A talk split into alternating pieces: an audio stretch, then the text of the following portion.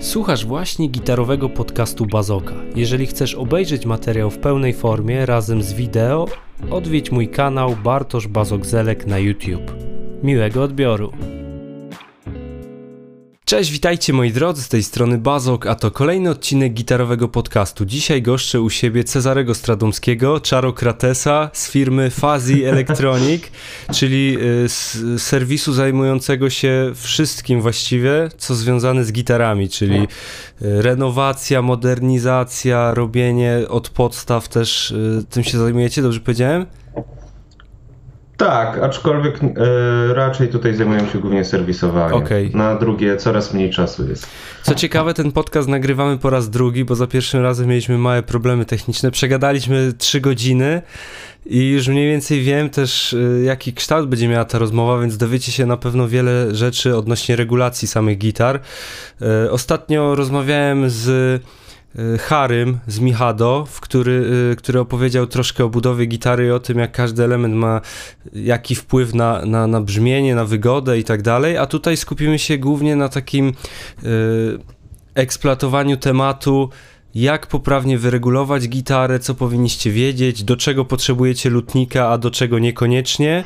Więc ja myślę, że te rzeczy będą e, najciekawsze w tej rozmowie. Więc na początku bym cię prosił, e, żebyś powiedział parę słów o swojej działalności, bo ja tak cię przedstawiłem, widzę niezbyt dokładnie. Czyli czym się zajmujecie, gdzie was można spotkać, e, jak was znaleźć w internecie i tak dalej. Okej, okay, um, czym się zajmujemy? Głównie zajmujemy się, tak jak już wspomniałeś, serwisem gitar i oraz wzmacniaczy lampowych.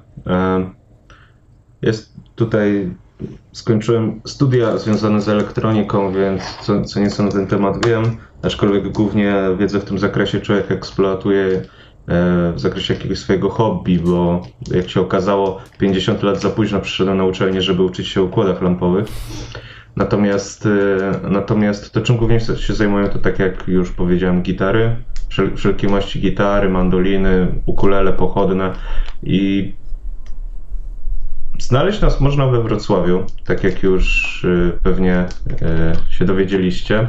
Y, działamy w centrum Wrocławia na Placu Grunwaldzkim. No i tutaj mamy taką właśnie swoją część serwisu, gdzie zajmujemy się na bieżąco naprawami, jeżeli chodzi o jakieś większe prace związane z lakierowaniem czy obróbką drewna, to mamy w osobnym lokalu pomieszczenie, gdzie tego typu sprawy się po prostu dzieją.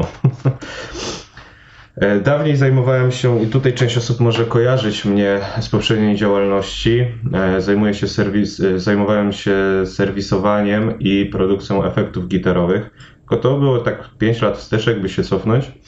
Mm, no ale zrezygnowałem z tego, stwierdziłem, że pójdę w stronę swojej pasji tak na 100% i wykorzystując po drodze zdobyte doświadczenie i, że tak powiem, kwalifikacje zająć się lotnictwem. I tak się złożyło, że jeden z Twoich efektów trafił też na mój kanał, więc jak sobie wpiszecie. A i tak było. Jak cofniecie się, to 2-3 lata temu chyba było. No.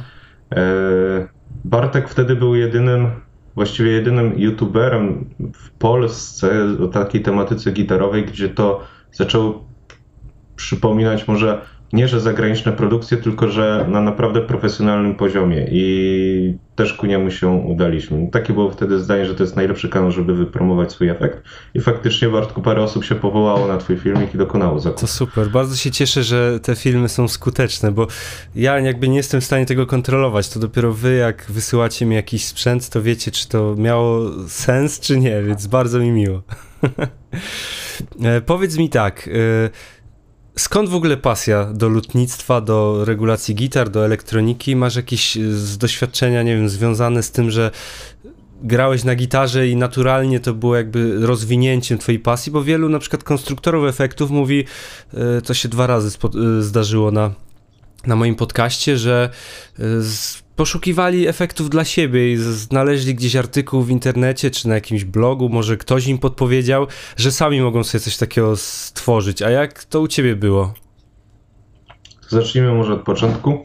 Jeśli chodzi o efekty gitarowe, to faktycznie tak było, że um, jako nastolatek tych pieniędzy za dużo nie było, a też od mamy zawsze tych pieniędzy się nie uzyskało, albo już po prostu głupio było prosić o kolejne, kolejne pieniądze na kolejne pierdoły.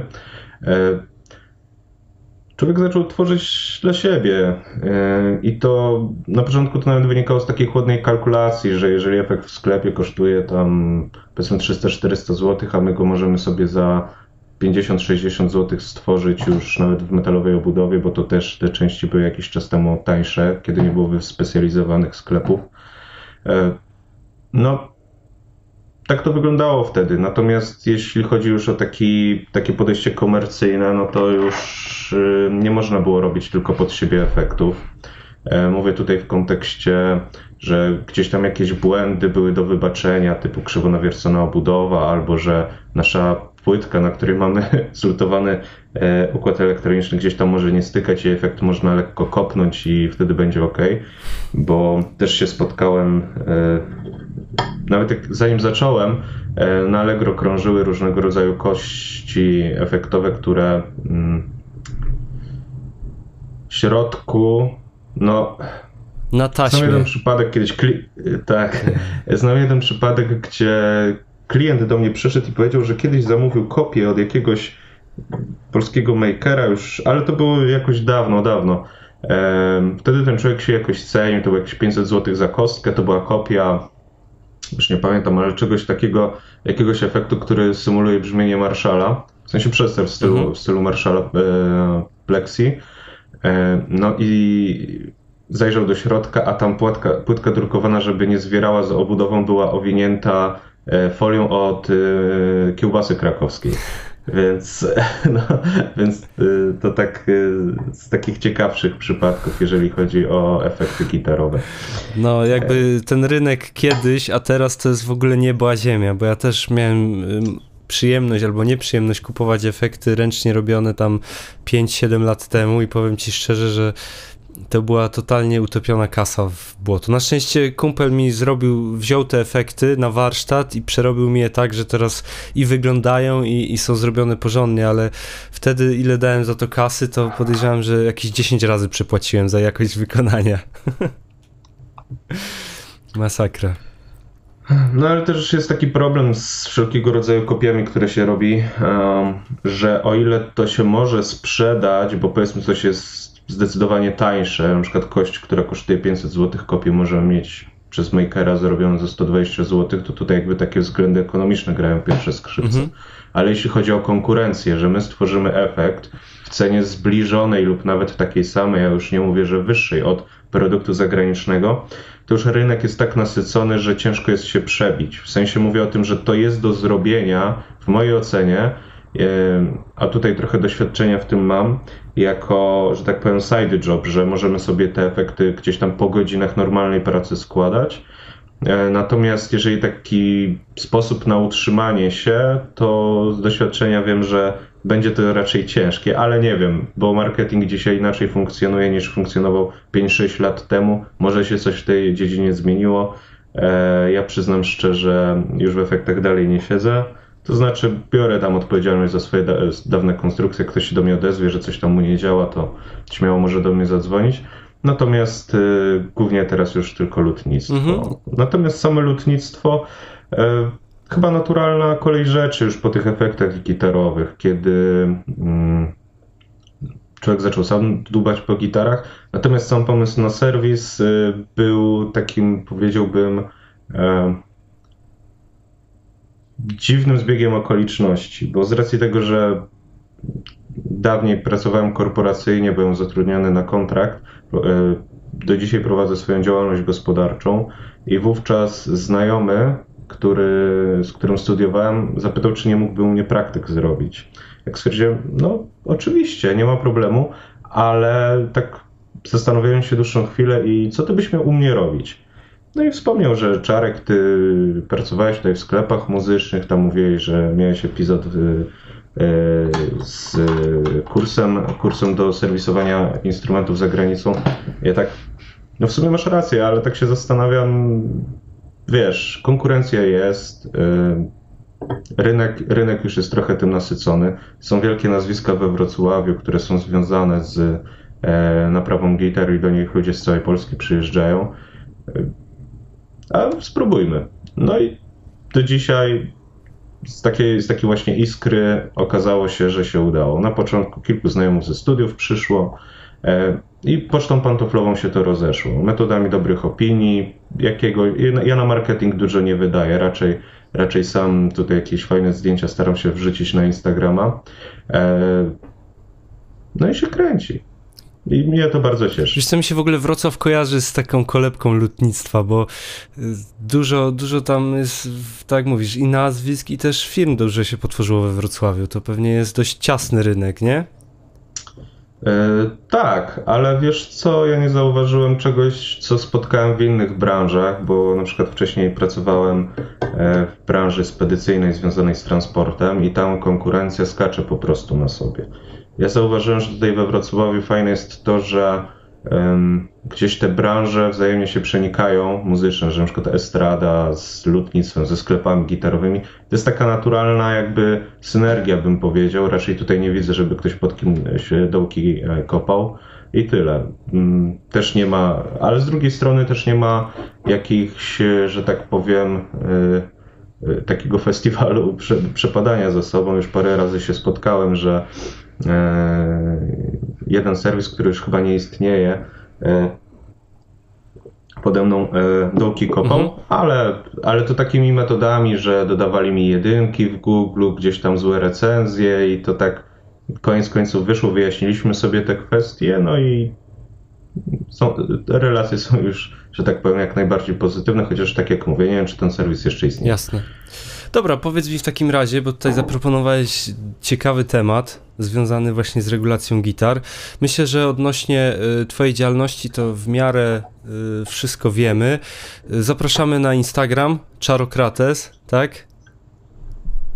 Tak, tam jest, tam jest ten, tam jest, są zdjęcia z serwisu, ale też część rzeczy poprzeplatanych z moim życiem prywatnym, bo nie tylko lotnictwem się zajmuję, a czym możecie sobie zobaczyć. I dodatkowo na oczywiście fanpage na Facebooku, Fazi, ja wam to wszystko podlinkuję w opis filmu, w pierwszy komentarz, więc jak chcecie zasięgnąć wiedzy u źródła, ewentualnie o coś zapytać po tym podcaście, no to najlepiej do Czarka bezpośrednio i on na pewno wam we wszystkim pomoże. Zgadza się? Oczywiście. No a jak? Śmiało, śmiało można dzwonić. Na, o każdej porze dnia i nocy. No, Właśnie, bo jak ostatnio nas... rozmawialiśmy, to mówili, że pracujesz 24 godziny na dobę. Gdybym tyle pracował, to byśmy nie rozmawiali, bo najpewniej już byłbym w szpitalu. Ale e, powiem o co chodzi. To jest taki koncept, który stworzyłem, bo, że tak powiem, do pracy mam niedaleko. E, Zdarzyło mi się już parę razy, że do mnie odzywali się ludzie, którzy pracują w niestandardowych godzinach. Na przykład ktoś pracuje na jakieś pełne zmiany nocne, pełne zmiany dzienne i de facto gdybym prowadził serwis w takich normal, e, normalnych godzinach, powiedzmy 8, 16, 9, 17, to de facto nikt z wrocławskich korków by nie zdążył do mnie dojechać, a tym bardziej jeżeli ktoś jeszcze pracuje. E, kilka razy zdarzyło mi się, że dzwoni, z racji, że mamy bliskie sąsiedztwo Niemiec, to jeszcze przed pandemią miałem tak z 3-4 razy sytu sytuację, że ktoś do mnie potrafił zadzwonić o pierwszej w nocy, zapytać, czy za dwie godziny go przyjmę, bo zespół jedzie w trasę po, Nie po Niemczech i okazało się, że się zestroić nie mogą.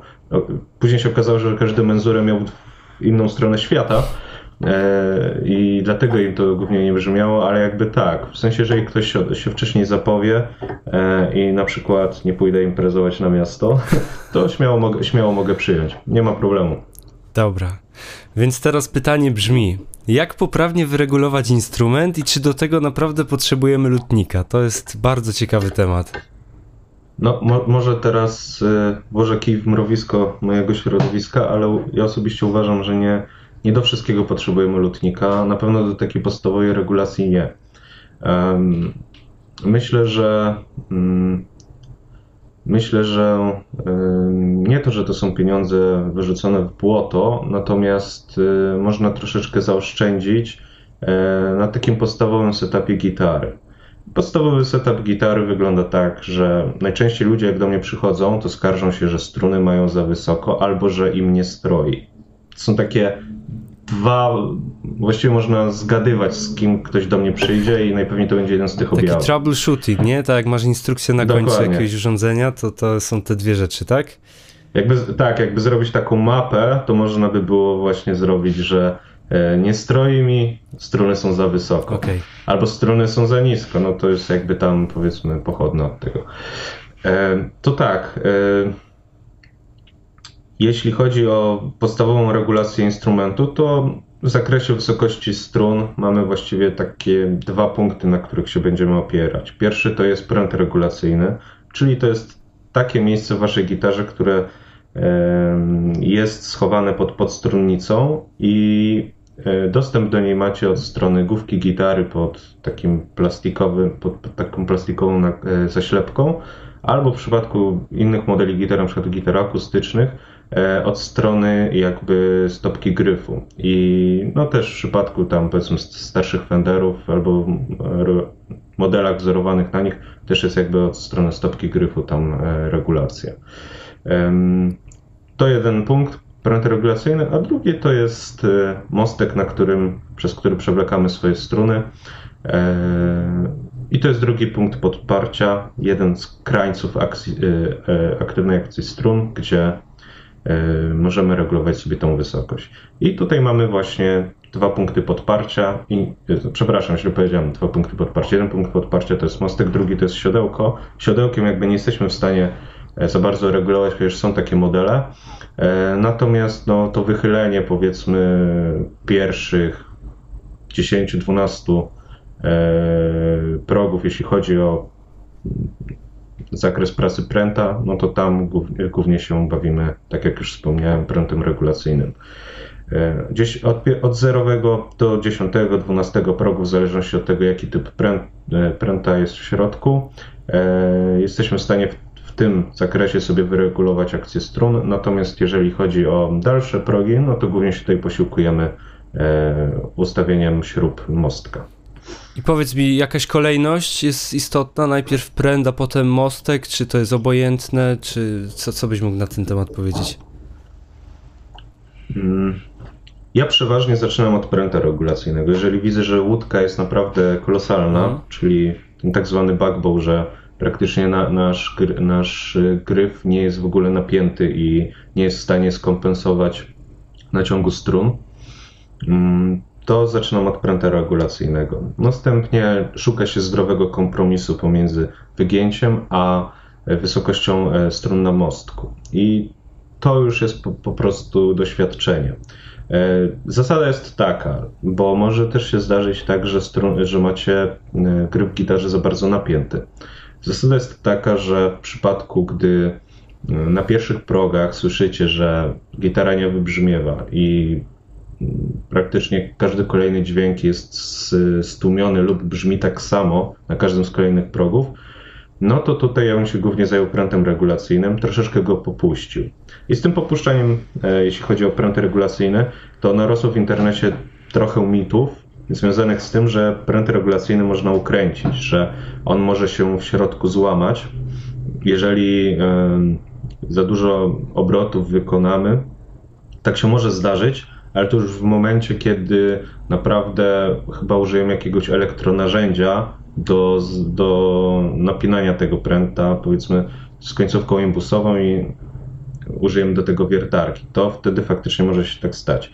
Ale jeżeli mówimy o takiej zwykłe przyłożenie siły do e, obrotów w, mm, w tym kanale, gdzie jest umieszczony pręt regulacyjny i nakładka, to tutaj tak, to tutaj właściwie nie ma takiej opcji, żebyśmy byli w stanie ten pręt zerwać. Jeżeli słyszymy już takie trzeszczenie drewna, to ja już bym się zaczął powoli wycofywać, ale generalnie bardzo ciężkie jest to do zrobienia. Natomiast jeżeli brzęczy nam w zakresie powiedzmy właśnie tych wyższych progów, tam to jest najczęstsze właśnie, że przy podciąganiu mamy wrażenie, że struna za bardzo trze nam o próg i dźwięk szybko gaśnie. To jest dla nas sygnał, że trzeba te struny leciutko podnieść. To tyle z takich, bym powiedział, case study, jeżeli chodzi o jakieś przypadki konkretne. Mm, inną sprawą jest oczywiście ustawienie intonacji. no, zabawa menzurą i też trzeba pamiętać o siodełku, ale myślę, że o siodełku to sobie jeszcze porozmawiamy później.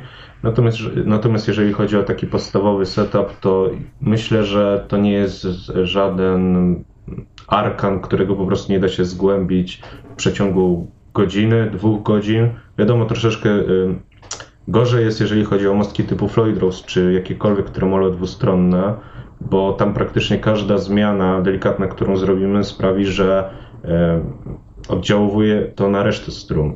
I najczęściej trzeba taki most zablokować do regulacji. Mm, a tak poza tym, to myślę, że to nie jest jakieś y, strasznie ciężkie do przyswojenia. Mhm, czyli zachęcamy do grzebania przy gitarach.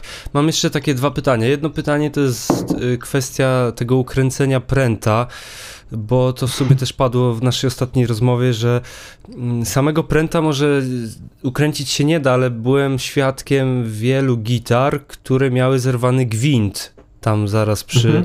y, przy regulacji, że prawdopodobnie ludzie albo używali jakiejś niskiej jakości imbusów i to wiesz, wyrabiało ten gwint, no i potem w tej y, jest problem, żeby wyregulować taką gitarę, nie? Trzeba coś y, wymienić, naprawić i jak to się odbywa w ogóle?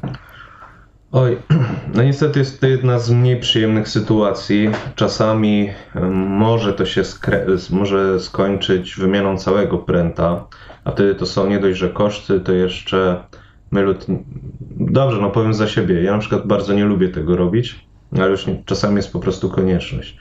E, jeżeli chodzi o wymianę tej nasadki, która nakrętki, która wchodzi na gwint pręta regulacyjnego, Najczęściej w gitarach ona nie jest, nie jest wykonana z jakiegoś trwałego materiału. Najczęściej to są pochodne stopy cynku i aluminium i niestety e, to są materiały dosyć miękkie. Wystarczy, że użyjemy imbusa o powiedzmy większym rozmiarze, na siłę będziemy próbowali go włożyć w otwór, no to niestety nam to się odkształci. Albo jeżeli użyjemy Torxa. Torxów używamy w sytuacji, kiedy już naprawdę nie jesteśmy w stanie nic zrobić, ale bardzo to wypacza e, ścianki wewnętrzne otworu imbusowego.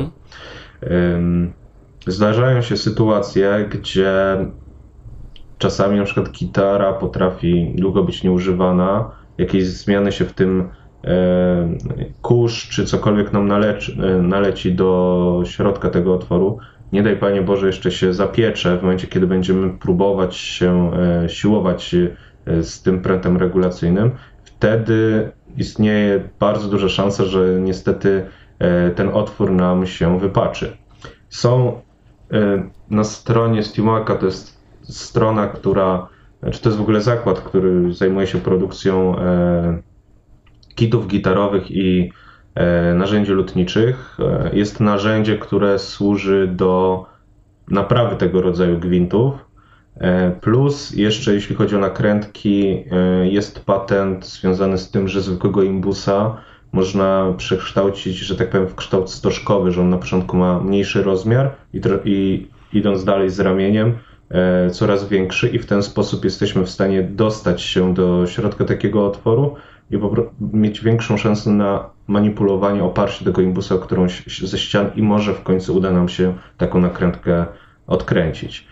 Mm. Czyli ogólnie zachęcamy do grzebania, ale też y, zalecamy umiar i takie zdrowe podejście, żeby nie robić nic na hama, na tak. siłę, żeby używać y, dedykowanych narzędzi, bo głupio byłoby sobie zniszczyć coś takiego w gitarze, bo potem dużo kłopotów i, i, i kosztów niepotrzebnych, nie?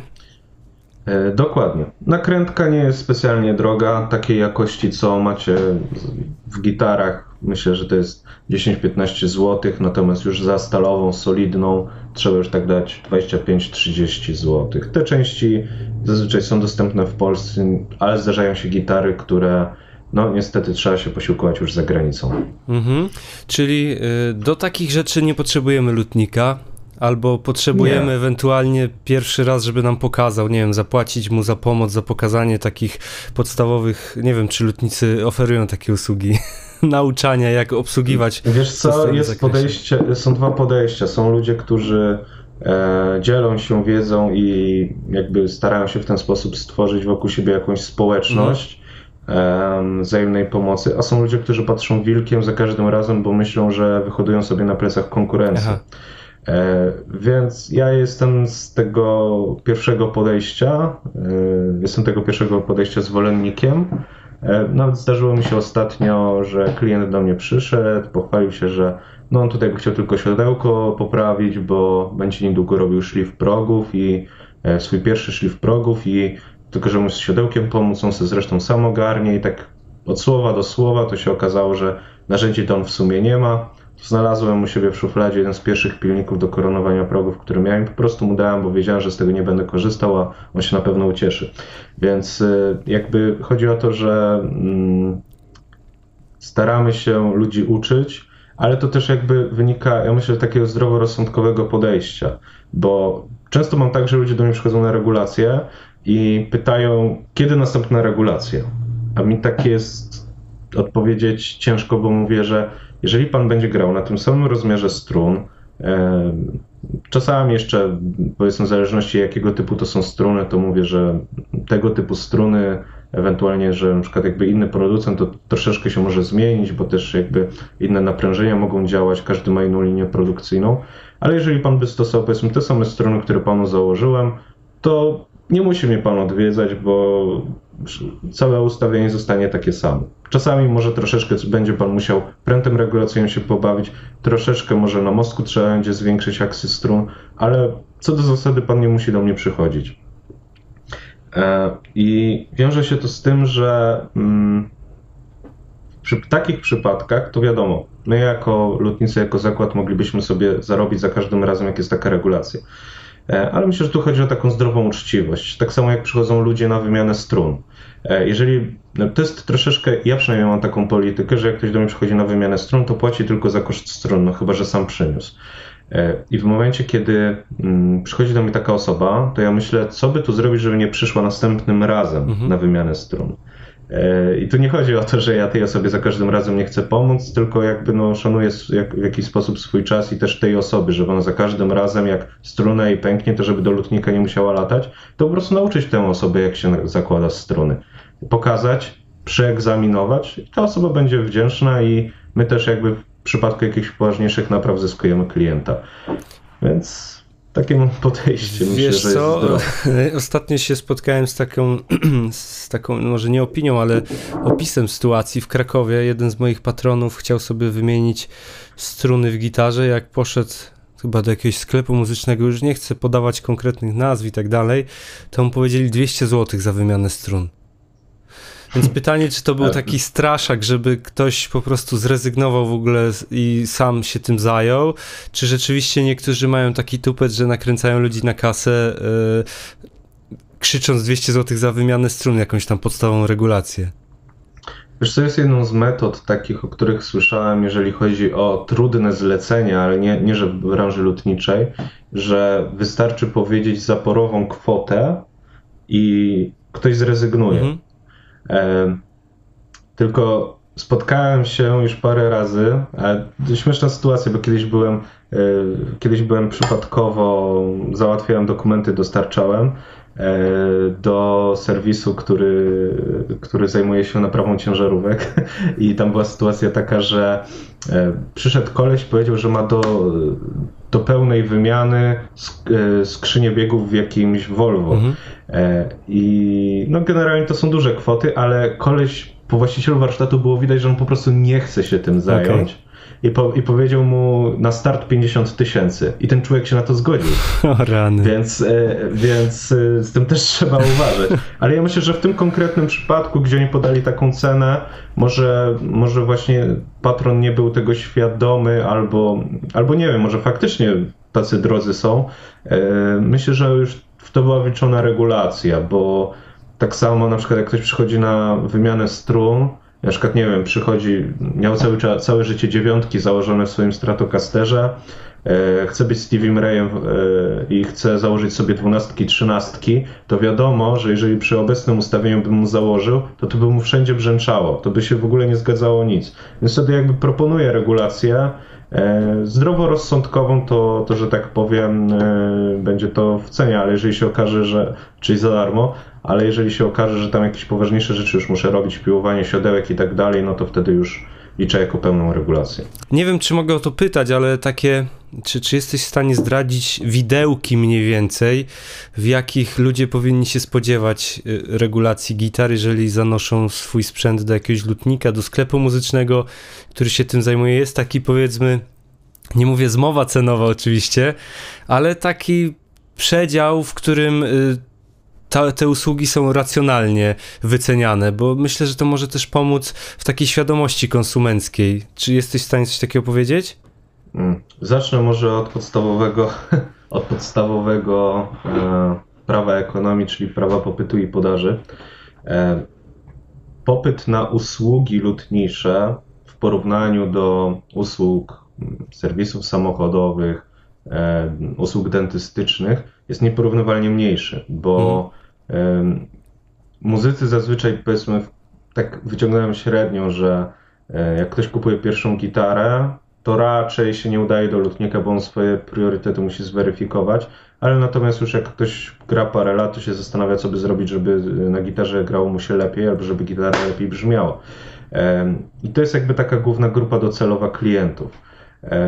Tylko to zanim takiego klienta, że tak powiem, się wykształci, wyhoduje, to trochę czasu mija. E, I tych klientów też nie jest jakoś niesamowicie dużo w porównaniu właśnie, żeby to były kolejki zapisowe na dwa lata w przód, bo takich rzeczy raczej w tej branży nie ma. I też z tego powodu wydaje mi się, że usługi lotnicze troszeczkę kosztują, ale to głównie wynika jakby z roboczo godzin, jakich faktycznie się spędza przy instrumencie. No i przede wszystkim za wiedzę, bo to jest wiedza zdobyta na wielu płaszczyznach, która obejmuje e, znajomość e, instrumentów, która obejmuje e, znajomość obsługi elektronarzędzi, pracy z drewnem, samych narzędzi, które potrafią być kosmicznie drogie. Więc jakby siłą rzeczy to jakby sprawia, że zostawia się na serwisie tyle, a tyle.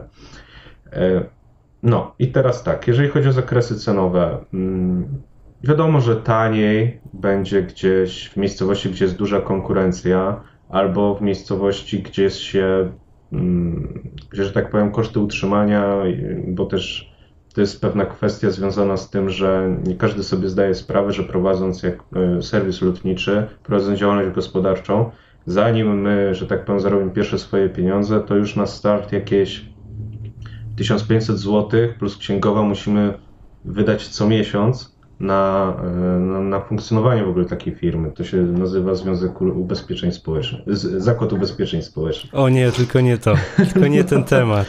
No i to, to jakby też głównie z tego wynika, to też jakby dodatkowo z tego wynika. Natomiast, y, natomiast jeśli chodzi o, y, no i też koszty lokalu, E, natomiast jeśli chodzi o zakres cenowy, to tak, e, regulacje spotkałem się, że mm, od 150 zł nawet do 700 zł. Wow. Jeśli chodzi o wymiany progów, zdarza się gdzieś w jakichś mniejszych zakładach, w mniejszych miejscowościach, że ktoś tu nam e, jest w stanie zrobić za 350 zł. Znam przypadki, gdzie to kosztuje 1200 zł. I nie mówię tutaj o maszynach plek. E, więc rozbieżność jest duża. Mm, ja wychodzę z założenia, i to, ale to jest moja filozofia życiowa, że ja wolę zapłacić e, więcej i mieć dobrze zrobione niż tanio i później 10 razy do kogoś chodzić, e, więc albo że nagle kontakt nam się rozminie z tą osobą. Więc tutaj no, trzeba sobie po prostu wypośrodkować, ile ma się pieniędzy, czy marka do nas przemawia, czy E, czy jesteśmy w tej stanie, e, czy jesteśmy w stanie zaufać tej osobie. Wiele rzeczy się na to składa. Generalnie cennik jest stały, to nie jest tak, że ktoś przychodzi z Gibsonem, ma drożej liczony od tego, kto przyjdzie z Epifonem. Aczkolwiek w tym przypadku, przy niektórych usługach, które świadczę, niestety biorę więcej, bo Gibson, szczególnie jeżeli chodzi o jakieś zabawy z progami, ma tak, zwany, tak zwane nipsy na bindingu, które bind, z bindingu, które, że tak powiem, przylegają do progów i tam jak się robi szlif, to trzeba bardzo uważać, żeby ich nie usunąć, więc jakby w takim przypadku zazwyczaj jest po prostu drożej. A też jakby jest trochę inna też filozofia działania pręta regulacyjnego w Gibsonie Epiphonie, ale o tym to myślę jeszcze będziemy mieli czas porozmawiać. Wiesz co, ja myślę, że, y, bo tam jeszcze będzie jedno pytanie, jeden temat związany z pracą lutnika i z tym, ile mhm. się zarabia, czy warto się za to zabrać, ale żebyśmy trochę od, y, no, rozluźnili temat i nie gadali tylko o biznesach, okay. to myślę, że możemy ale poruszyć... Dlaczego? No wiesz, chyba, chyba pieniądze są jednym z bardziej interesujących rzeczy, ale, ale oczywiście, no jeżeli chodzi o tutaj rzeczy, którymi trzeba się dzielić i tak dalej, no to przede wszystkim porozmawiajmy sobie o rzeczach związanych z gitarami. Mhm. Yy, powiedz mi, to jest dobre pytanie. Co może sprawić, że gitara będzie brzmiała lepiej? Załóżmy, że mamy jakieś wiosło ze sklepu, mhm. już nie wnikamy w przedział cenowy, czy to jest Harley Benton za tysiaka, czy jakiś Epiphone za dwa, czy Gibson za pięć. Jeżeli nie jesteś zadowolony ze swojej gitary, to co można byłoby w niej zmienić, aby grało się lepiej, aby ona lepiej stroiła, miała lepsze brzmienie. Jakie masz doświadczenia w tym zakresie? Bo wiem, że masz spore przy modernizacji, przy jakby modyfikacji gitar, nie?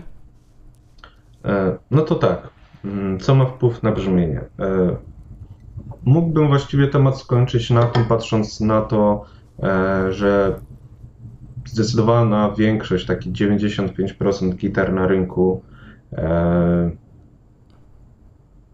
przypadku zmiany brzmienia e, to głównie będziemy się bawić elektroniką gitarową, która siedzi w środku, czyli przetworniki, układy aktywne, pasywne, e, wymiana potencjometrów. To jest jakby głównie to, co możemy zrobić, e, jeżeli chodzi o taką drastyczną zmianę brzmienia naszej gitary. Dlaczego o tym mówię?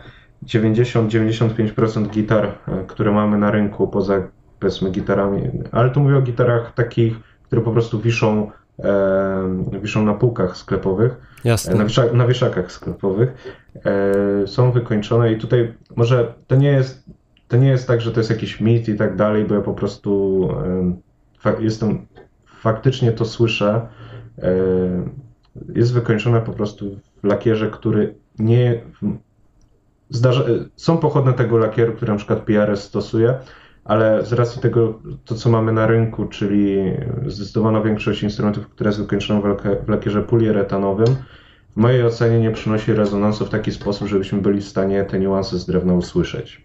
O ile, dobrze, mogę się zgodzić, że usłyszymy różnicę w desce wykonanej z lipy, a desce wykonanej z mahoniu, ale już bardziej subtelne rzeczy, smaczki, po prostu nie jesteśmy w stanie tego wyłapać.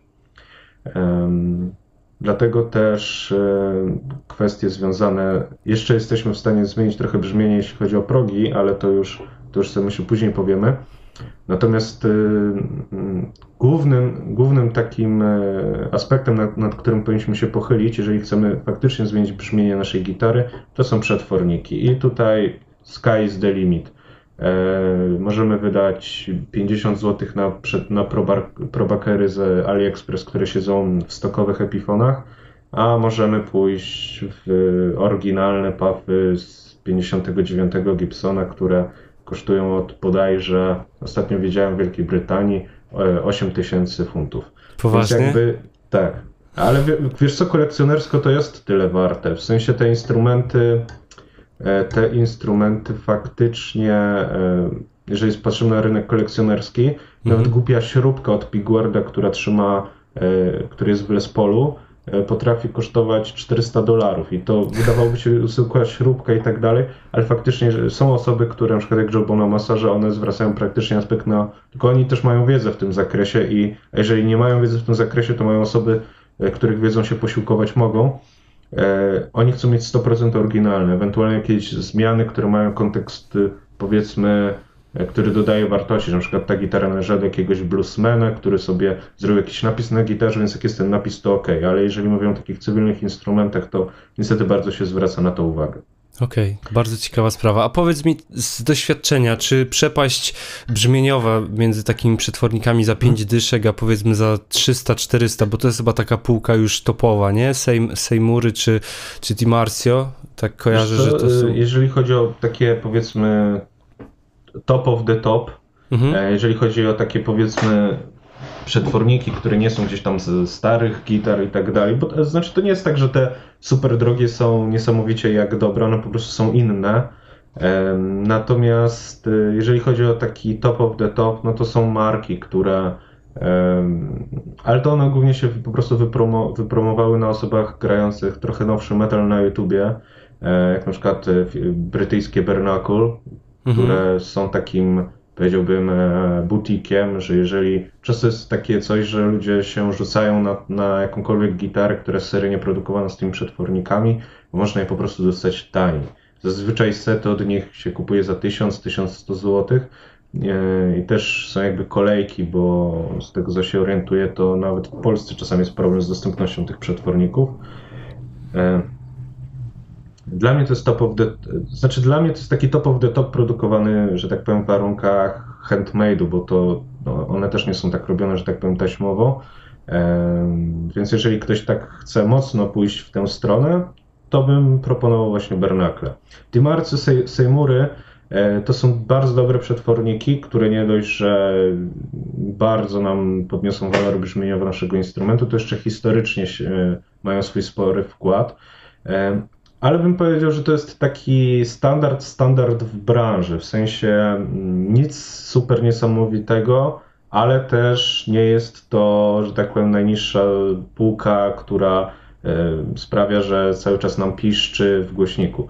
Więc Jasne. E, to jest taki, powiedziałbym, powiedziałbym Seymour i DiMarzio są takim Volkswagenem Passatem, natomiast jeżeli chcemy już jeździć Audi, no to idziemy w Bernakle. Okej. Okay. E, dobra, czyli mówisz, że w przypadku tego lakieru poliuretanowego drewno nie ma aż takiego dużego wpływu na brzmienie, no bo to jest częsty temat w ogóle, który pada mhm. w internecie i ludzie się za to zabijają, często nawet nie testując takich rzeczy y, organoleptycznie. Y, mówisz, że z, powiedzmy przez kontakt z różnymi instrumentami jesteś w stanie na przykład w ślepym teście wyłapać, y, nie wiem, trzy gitary, które dwie są w tym poliuretanie, a jeden jest w jakimś, jedna jest w jakimś innym wykończeniu? Wiesz co, powiem Ci w ten sposób. Mam, e, miałem ostatnio możliwość takiego porównania. E, przyszedł do mnie e, klient z Telecasterem Bacha, się mhm. Baja pisze, to jest właśnie taka jakby wariacja na temat Telecastera 52, czyli w tym odcieniu Butterscotch Blonde. E, nawiązujący do tych jednych z pierwszych roczników. To jest meksykańska produkcja i ona jest właśnie wykończona w takim lakierze. E, sam osobiście w swojej kolekcji posiadam e, z custom shopu Fendera taki model No Caster. Tam faktycznie gryf jest grubszy i tak dalej, ale stwierdziłem, że to jakby wystarczy, żeby, żeby mieć taki obraz tego, jak przenoszą się drgania i co się dzieje z instrumentem. Na tym telecasterze Bacha z elektroniki było słychać, że to jest telecaster ale nie było takiego, e, powiedziałbym, e, jakby ta gitara miała tak, e, jakby tak powiedzmy, rozpisać jej brzmienie w takiej powiedzmy osi częstotliwościowej, to właściwie ona brzmiała bardzo płasko. Ani nie miała dużo tych basów, ani nie miała dużo tych, tej górki. Ona właściwie była neutralna, tak jakbyśmy sobie wpieli instrument do, do kina domowego, że właściwie żaden, że słyszymy dźwięk, ale praktycznie żaden niuans indywidualny instrumentu nie jest przenoszony. Mhm. E, kiedy zagrałem e, na właśnie Noucasterze, to powiem szczerze, że pod ręką było czuć, jak to drewno pracuje. E, I w sensie, jak ten, że ten rezonans się rozchodzi po tej płycie drewno. No i też głównie ten instrument, dlatego tak trzymam tutaj w swojej, że tak powiem, skromnej, bo skromnej kolekcji i jest to mój wół roboczy, jeżeli chodzi o jakieś tam akcje związane z graniem.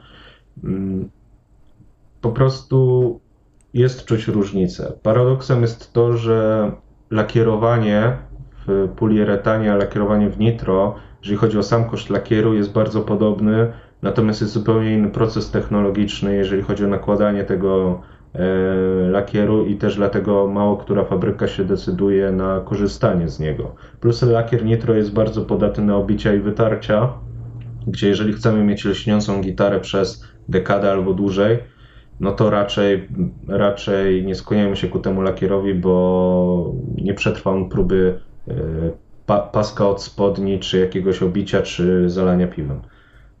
Okej. Okay. E, dobra, powiedz mi jeszcze tak.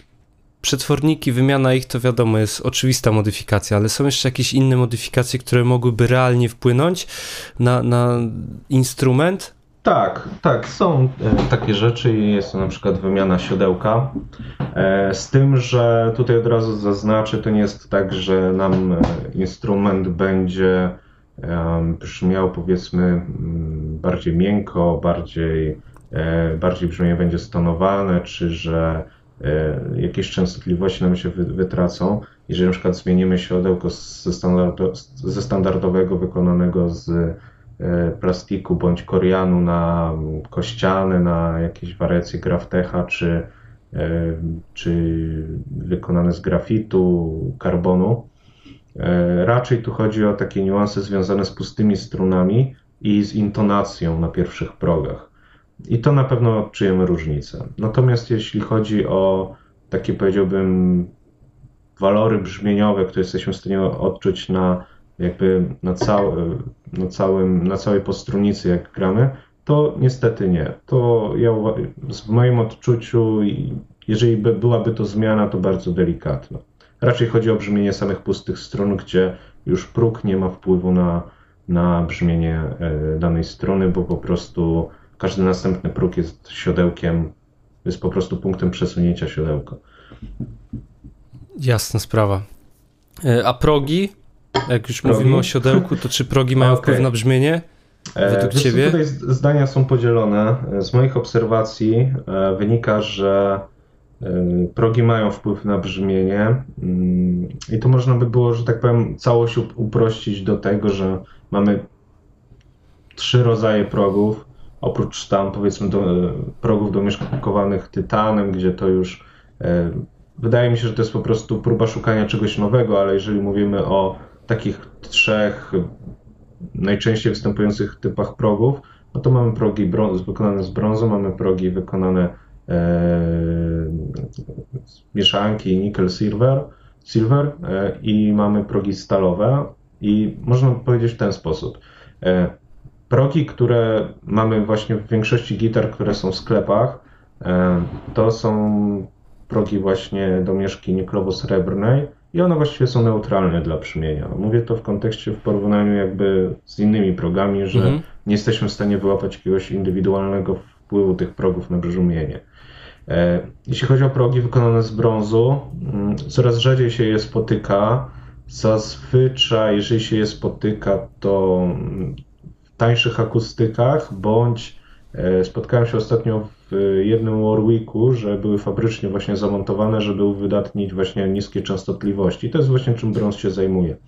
Czyli bardziej mamy uwydatnione te dolne rejestry częstotliwościowe e, kosztem tych wyższych, e, ale też te progi są jakby najmniej trwałe. Ich wymiana po dwóch latach grania właściwie jest konieczna, takiego powiedzmy codziennego.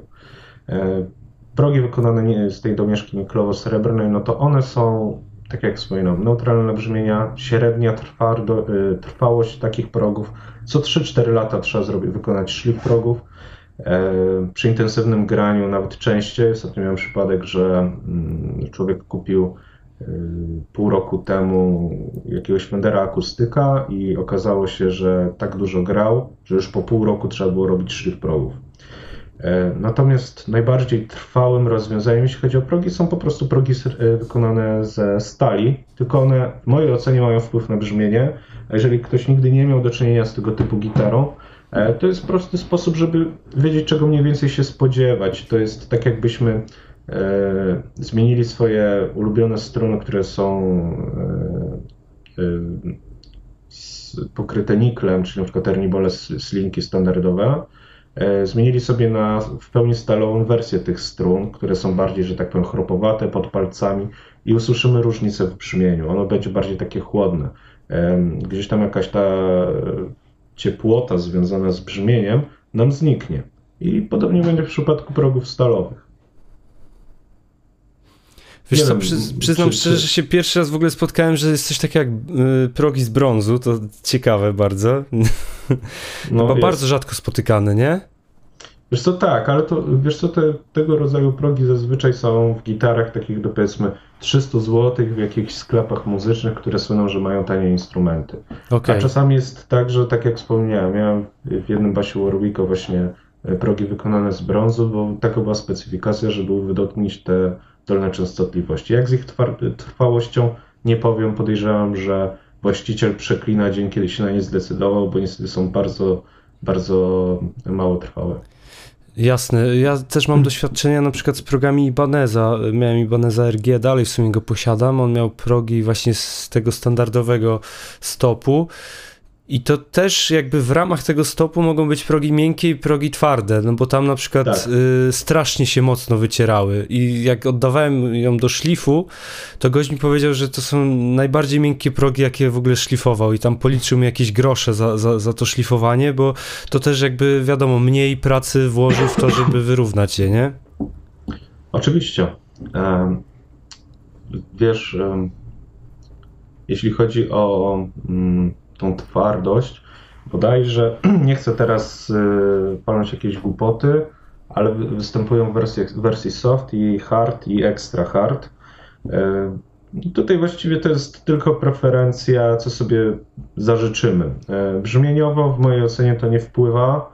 Lutnik może drożej policzyć za obsługę tych, za jakby obróbkę tych bardziej twardych, ale mi się wydaje, że jakby w procesie produkcyjnym, gdzie to są zupełnie inne standardy niż e, w takiej pracy powiedzmy manufaktury lutnika, e, po prostu księgowi głównie wpływają na to, żeby dawać mm, progi te po prostu tańsze, bo się lepiej to kalkuluje i lepiej w słupkach sprzedaży to wynika, że marża jest większa.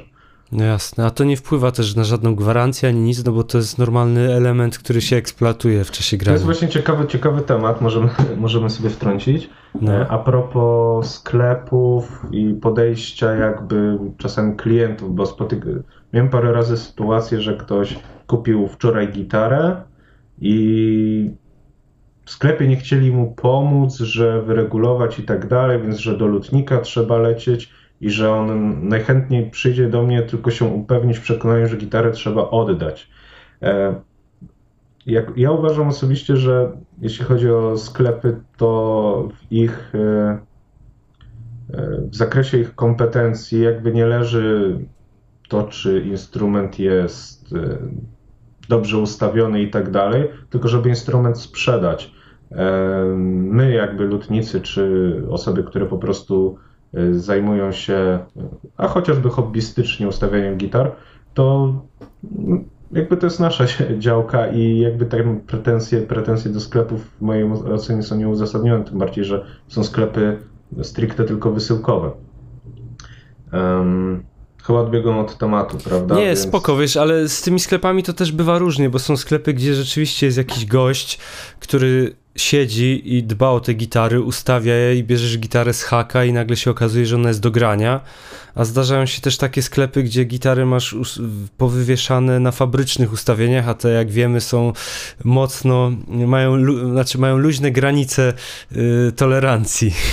Więc czasami można mieć gitarę nówka sztuka od dystrybutora prosto i się okazuje, że tam masz akcję strun jak w defilu, a że nikt w sklepie się tym nie zajął, to potem możesz złapać taką gitarę, y, wiesz, z półki czy tam z haka, wziąć ją do ręki i się nagle okazuje, że gitara za 3-4 tysiące złotych w ogóle nie nadaje się do grania. Wymieniłeś jedną z moich ulubionych marek.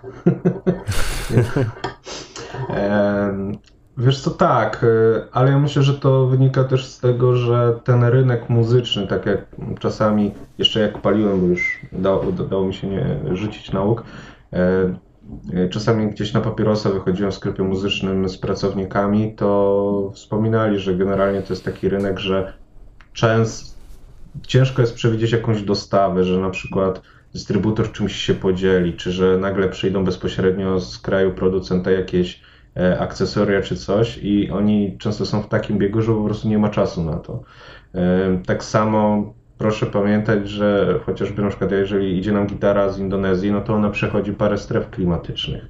E, też niskie, niskie temperatury, które panują na wysokościach w, samolo w samolocie, który transportuje te instrumenty albo na statku. Więc trzeba pamiętać o tym, że mm, instrument może przyjść do nas w zupełnie innej kondycji niż producent zapakował go w futerał i do nas wysłał, więc y, trzeba mieć na to poprawkę. Po prostu podejść do tego po ludzku.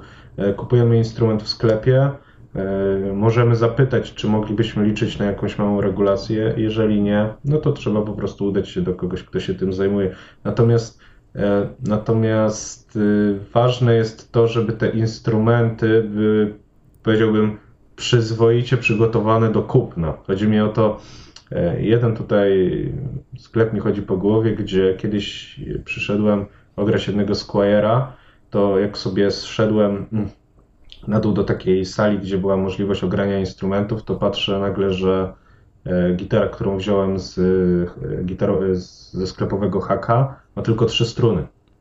Poszedłem ją, poszedłem ją odwiesić, bo stwierdziłem, że, że to masakra jakaś i zobaczyłem, że sąsiadująca ma pięć strun, a następna w ogóle nie ma strun, więc jakby trzeba pamiętać o tym, żeby takie sytuacje nie miały miejsca. Tak samo mm, wiem, że czasami w przypadku Gibsonów się to stosuje e, w wyższych modelach, że mm, tylko one tak jakby fabrycznie wychodzą i się po prostu tak, tak się na, na hak wiesza, że ten taki tip od switcha, który jest, to taka nakrętka plastikowa, mhm. E, często jej się, często jej się nie, nie daje jakby na gitarę, która jest wystawiona wystawowo, z tego względu, że ludzie to kradną, bo to jest y, bardzo ciężko jest to załatwić i jest to drogie, że tak powiem, kupić jako osobne akcesorium, więc tutaj jakby to rozumiem. Ten no, kawałek ale... plastiku, co się nakręca na przełącznik, tak? Tak, tak bo właśnie najśmieszniejsze jest to, że one się różnią, znaczy gwint w środku jest tak samo jak w zwykłych Gibsonach, no. natomiast, y, natomiast one się różnią kształtem, te historyczne modele od tych obecnych. I jest ciężko później, jeżeli chcemy mieć stricte od Gibsona, ciężko jest później coś takiego dostać. Więc jakby to jest dla mnie uzasadnione, ale brak strun na instrumencie i co jest jeszcze śmieszniejsze, pracownik, który się tym nie zainteresuje, no to tutaj e, na naganę to zasługuje. Jak najbardziej. A powiedz mi jeszcze a propos tych gitar z trzema strunami, czy to jest zdrowe dla gitary, żeby ją trzymać bez strun? E, wiesz co, co do zasady tak, to nie są jakieś tam, znaczy jeżeli by tak zmierzyć faktyczną siłę naciągu, to ona jest znaczna, duża, jeżeli chodzi o instrumenty. Ale czy gitara bez tego naciągu może, może przybywać? Jak najbardziej. Tylko bym powiedział, żeby to, mm, żeby drewno nam po prostu się nie wypaczyło, to jeżeli taka, taki instrument kolejny już rok leży bez strun, e, no to faktem bym się zainteresował. Ale jeżeli hmm. mówimy o sytuacjach, że nie wiem, e, nie chciałbym się zmienić, już zakładać tych stron na jeden na dwutygodniowe kolonie, to spokojnie można zostawić instrument, nie ma problemu.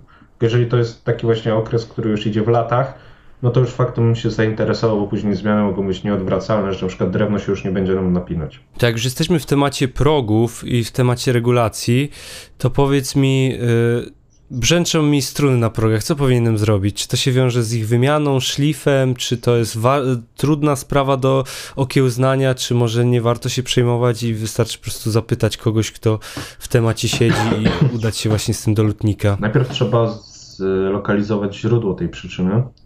E, to znaczy, w pierwszej kolejności, tak jak byśmy mieli jakąś mapkę troubleshootingu wykonać, zastanawiam się, czy to nie jest wpływ regulacji. Nawet jeżeli ktoś nie ma doświadczenia w regulowaniu, to po prostu pobawić się odchyleniem pręta w jedną stronę, w drugą stronę, e, mostek wyżej, niżej i zobaczyć, czy to zdało egzamin, ewentualnie później szukać takiego ustawienia, które sprawi, że będzie ok.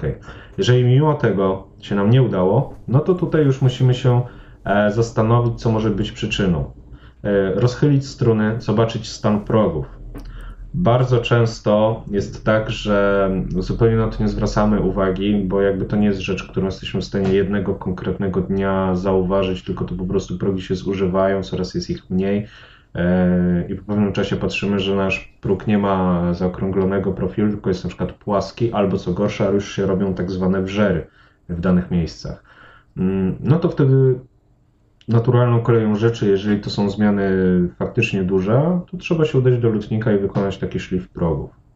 E, pocieszeniem jest to, że taki szlif, w zależności co prawda od twardości progów, ale jeżeli mówimy o takim 95% gitar, które są w sklepie, e, taki szlif progów w przypadku niklowo-srebrnych progów wystarczy nam 3-4 lata. Jeżeli ktoś bardzo długo gra, no to wymieniłem jeden skrajny przypadek, gdzie po pół roku trzeba było taki szlif zrobić, ale myślę, że to była wada fabryczna. Natomiast jeśli chodzi o mm, szlif taki standardowy, 3-4 lata spokojnie powinien nam starczyć. I też pro... Wiesz co, ja bym tu jeszcze wtrącił mhm. technikę grania na gitarze. Aż, oczywiście. Bo często początkujący gitarzyści mają tendencję do zbyt mocnego dociskania strun, tak. natomiast jeżeli wiesz tak naprawdę jak trzeba złapać akord, czy jak docisnąć dźwięk, to praktycznie można to robić dotykowo na dobrze ustawionej gitarze i podejrzewam, że to też ma drastyczny wpływ na, na zużywanie się progów. Oczywiście, ale wiesz, jakbym miał tak wyciągnąć średnią, to te 3-4 lata to jest taki, powiedzmy, standard.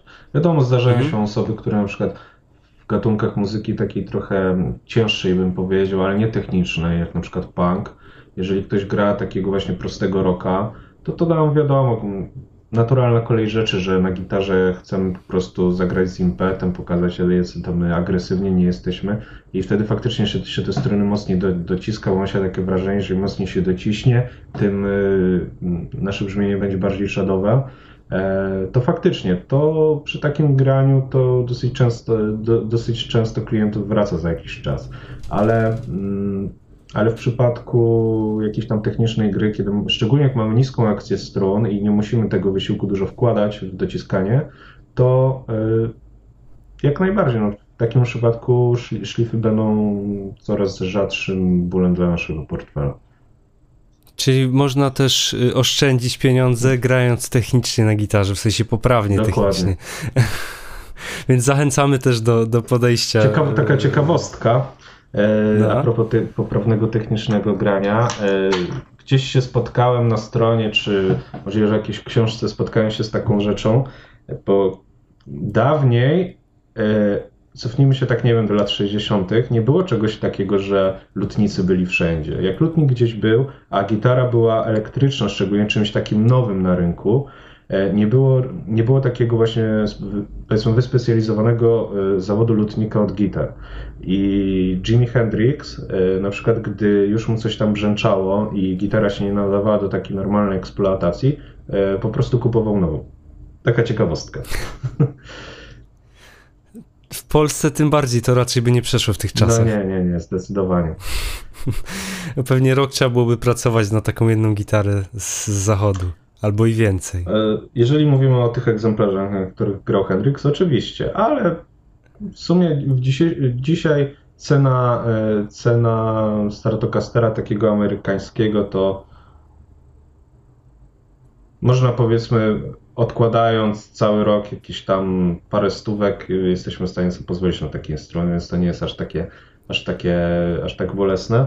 E, aczkolwiek spotkałem się też z opinią, że Dawniej też było jakby łatwiej pod tym względem, że jak jeszcze nie było tej fali instrumentów zamienników, które na przykład swego czasu były w Japonii robione, potem się okazało, że te japońskie kopie bywały lepsze od oryginałów, e, mhm. to ludzie jakby byli przyzwyczajeni do tego, że instrument kosztuje tyle i tyle i przez to, że byli jakby skazani na tę jedną e, półkę cenową, e, to jakby później nie mieli tych wszystkich problemów związanych z tym, że instrument na przykład jest tani.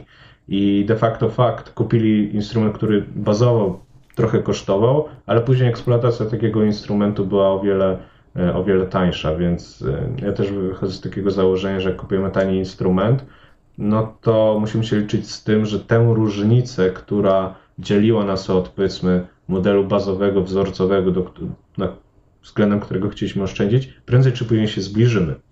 I tu jeśli chodzi o eksploatację, jeżeli chodzi o e, ewentualnie upgrade związane ze zbliżeniem się do brzmienia, którego oczekujemy, no to tak będzie.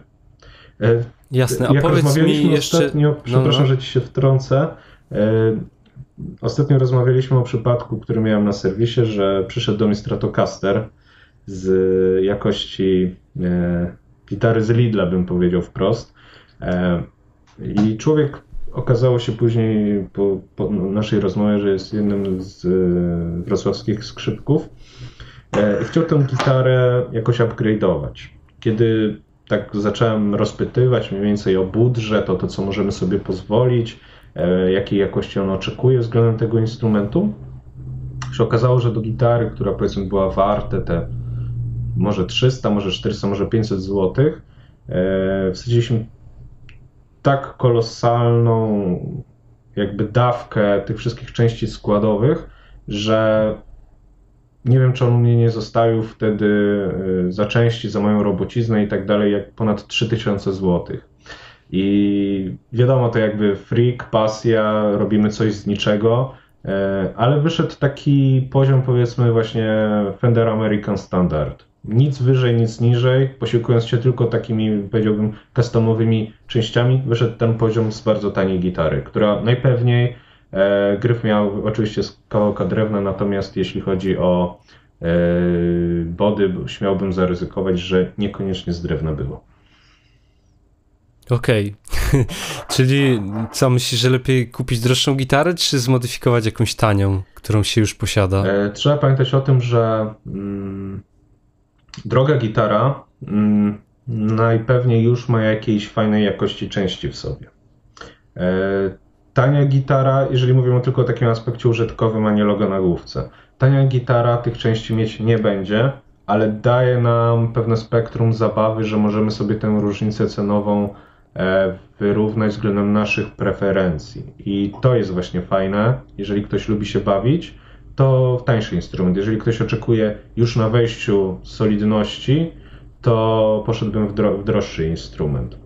E, kiedyś e, wychodziłem z takiego założenia, że wolę mieć jeden droższy instrument niż kilka tańszych, ale okazuje się, że okazuje się, że posiadając takie powiedzmy 100% tego, co się oczekuje e, od jednego instrumentu, no niestety później trzeba wchodzić w kolejne półki, takie powiedzmy, że mm, chcę mieć gitarę na P90, e, no to jeżeli bym chciał mieć taką esencję brzmienia, to nie będę kupować R6 od Gibsona E, bo wystarczy, że mogę kupić Harley'a Bentona i mniej więcej ten charakter brzmienia będę miał zachowany. Jeżeli ktoś nie oczekuje jakichś tam właśnie super niuansów od brzmienia, to oczywiście teraz jestem zdania, że lepiej kupić kilka tańszych, bo po prostu mamy większe szanse e, rozwoju i po prostu tego, co możemy poznać, bo zamykanie się w swojej, że tak powiem, bańce brzmieniowej nie jest zdrowe. To znaczy tak, wydaje mi się, że to jest y, celna uwaga, jeżeli nie planujesz sprzedawać potem tych gitar, nie? Tak. Bo jeżeli kupujesz tanią gitarę i nawet sadzisz do niej najlepsze podzespoły, to często lepiej wyciągnąć te podzespoły i sprzedać je z osobna, niż sprzedawać tanią gitarę z super osprzętem, bo to bardzo traci na wartości, z tego co się orientuje przynajmniej na rynku wtórnym. Tak jest i nie jest to traktowane jako tak zwana wartość dodana. E, sam teraz na przykład, to z trochę innej branży, szukam e, motocykla dla siebie i często w przypadku takich cruiserów, za którymi ja przepadam, jest tak, że e, wydechy do, do Harley'ów kosztują tak powiedzmy 3-4 tysiące, ale w przypadku jak dochodzi do takiej faktycznej sprzedaży, nie jest to żadną wartością dodaną, bo jest to oczekiwane jako powiedzmy standard, E, a, na, a jak tego nie ma, to cena też dziwnym trafem jest na tym samym poziomie. Więc, a 3-4 tysiące no to nie są małe pieniądze. E, więc w przypadku, w przypadku właśnie gitar, no raczej to by było coś takiego, że ktoś przychylniej skłoni się w stronę naszej gitary, że ona ma wymienione przetworniki na Seymoura Duncana, niż że faktycznie tę cenę chociażby używek możemy sobie do ceny doliczyć. Może to by było coś takie, że nie wiem, 100 zł możemy doliczyć, ale nie, że możemy kolosy na, y, robić kokosy na gitarze używanej, która po prostu została lekko upgrade'owana. Czyli tu już trzeba po prostu sobie zadać pytanie, czy to jest coś, co chcemy uzyskać i chcemy grać na tej gitarze Dokładnie. i bawimy się powiedzmy zdobywaniem jakichś nowych doświadczeń i wiedzy, bo jeżeli ktoś chciałby na tym wyjść dobrze finansowo, no to nie polecamy modyfikować taniej gitar kwestiach poznawczych jak najbardziej, sam jestem ostatnio zaskoczony e, Harley, Harley'em Bentonem, ale w kwestiach związanych e, finansowo nie. Tak samo jest pewnego rodzaju, e, to jest niestety smutna rzecz związana z gitarami lutniczymi. Na Allegro, na Olixach czasami się przewijają twory polskich lutników, powiedzmy z lat 90., 2000, które potrafią mimo super specyfikacji być parokrotnie tańszymi od gitar markowych o tej samej specyfikacji, a wydawałoby się, że powinno być na odwrót. No niestety siła, siła oddziaływania marek i, e, i tego, e, co faktycznie się sprzedaje, jest taka, że ktoś mógł włożyć niesamowicie dużo serca w stworzenie instrumentu, E, wydawało się, że taki instrument powinien być pozbawiony wad i tak dalej, i najpewniej tak jest, ale przegrywa z instrumentem wykonanym na taśmie, jeżeli chodzi o takie preferencje klientów. Wiesz co, fajnie, że o to poruszyłeś ten temat, bo chciałem cię zapytać, jak już mm, rozmawialiśmy, czy lepiej kupić droższą gitarę, czy tańszą, to teraz jak to się ma w przypadku tej wyższej półki, czyli gitara, nie wiem, za 7-10 tysięcy seryjna versus gitara lutnicza w tym budżecie. Co byś ty polecał i jakby ze swojego doświadczenia, jak miałeś styczność z różnymi gitarami, czy jest sens płacić za markę, czy lepiej za jakiegoś zaufanego lutnika, który zna się na robocie? E, wydaje mi się, chociażby w kwestii tego lakieru, o którym wspomniałem na, na wstępie, wydaje mi się, że lutnik już będzie miał jakby pewnego rodzaju wyrobione zdanie w tym zakresie i raczej tym lakierem poliuretanowym nie będzie, e, raczej nie będzie go używać. E, natomiast fajne jest to, że w przypadku gitary lutniczej, jeżeli mówimy o tym, że to jest nasz instrument docelowy, z którego już raczej nie będziemy rezygnować, no to jest jak y, małżeństwo, że jakby droga w jedną stronę i raczej głupio by było później z tego rezygnować. Natomiast jeśli chodzi o, natomiast jeśli chodzi o to, czy jest lepiej to, czy to, kwestie indywidualne. Lutnikowi jesteśmy jeżeli mamy zaufanie do, do lutnika i wiemy, że on zrobi gitarę tak, jak my chcemy, sobie wymarzyliśmy, pójść w lutniczą. Natomiast jeśli chodzi o ten właśnie aspekt biznesowy czysto, czyli ile jesteśmy w stanie na instrumencie stracić, to wiadomo, że to wiadomo, że będzie to instrument y, spółki sklepowej. E, natomiast jeśli chodzi o walory brzmieniowe i tak dalej, no to jest taka mm, krzywa ekonomiczna, która pokazuje, że e, im w tym wyższym pułapie cenowym te przeskoki to już później płacimy tylko za bariery, a nie faktyczny wkład y, w brzmienie bo tak z moich doświadczeń przekroczenie 4000 zł w nowej gitarze ze sklepu, e, jakby różnica pomiędzy gitarą za 800 zł a za 1500 będzie znacząca w brzmieniu, o tyle różnica w gitarze, która kosztuje już 10 tysięcy złotych, a tą za 15 ten przeskok będzie mniejszy. E, bo uważam, że już po prostu nie ma co upgrade'ować, jedyne co dopłacamy to do, do ewentualnych E, wyciętych laserem e, inkrustacji z macicy perłowej, czy jest y, to, że ten instrument jest po prostu popularny w jakichś kręgach, czy z sygnaturą artysty.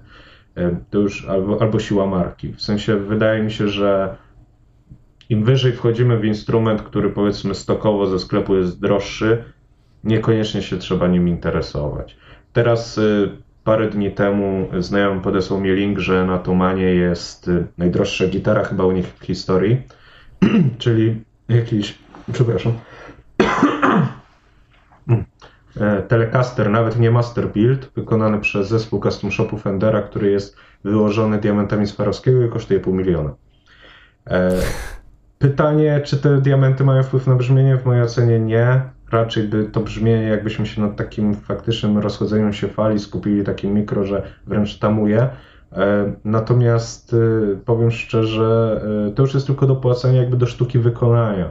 Tak samo są w fabryce gitar akustycznych Martino osoby, które są stricte za, zatrudnione do detailingu, tylko tam nie, nie jest też tak, że to jest taka manufaktura, jak na przykład widzimy w fabrykach na wschodzie, że faktycznie jest tylko jedna osoba, która nabija progi, jest jedna osoba, która zajmuje się bindingiem, tylko tam się zatrudnia osoby, które mają też doświadczenie w innych dziedzinach i że na przykład ktoś jest w stanie zrobić super inkrustrację ręcznie, na przykład cały, cały tył e, pudła rezonansowego.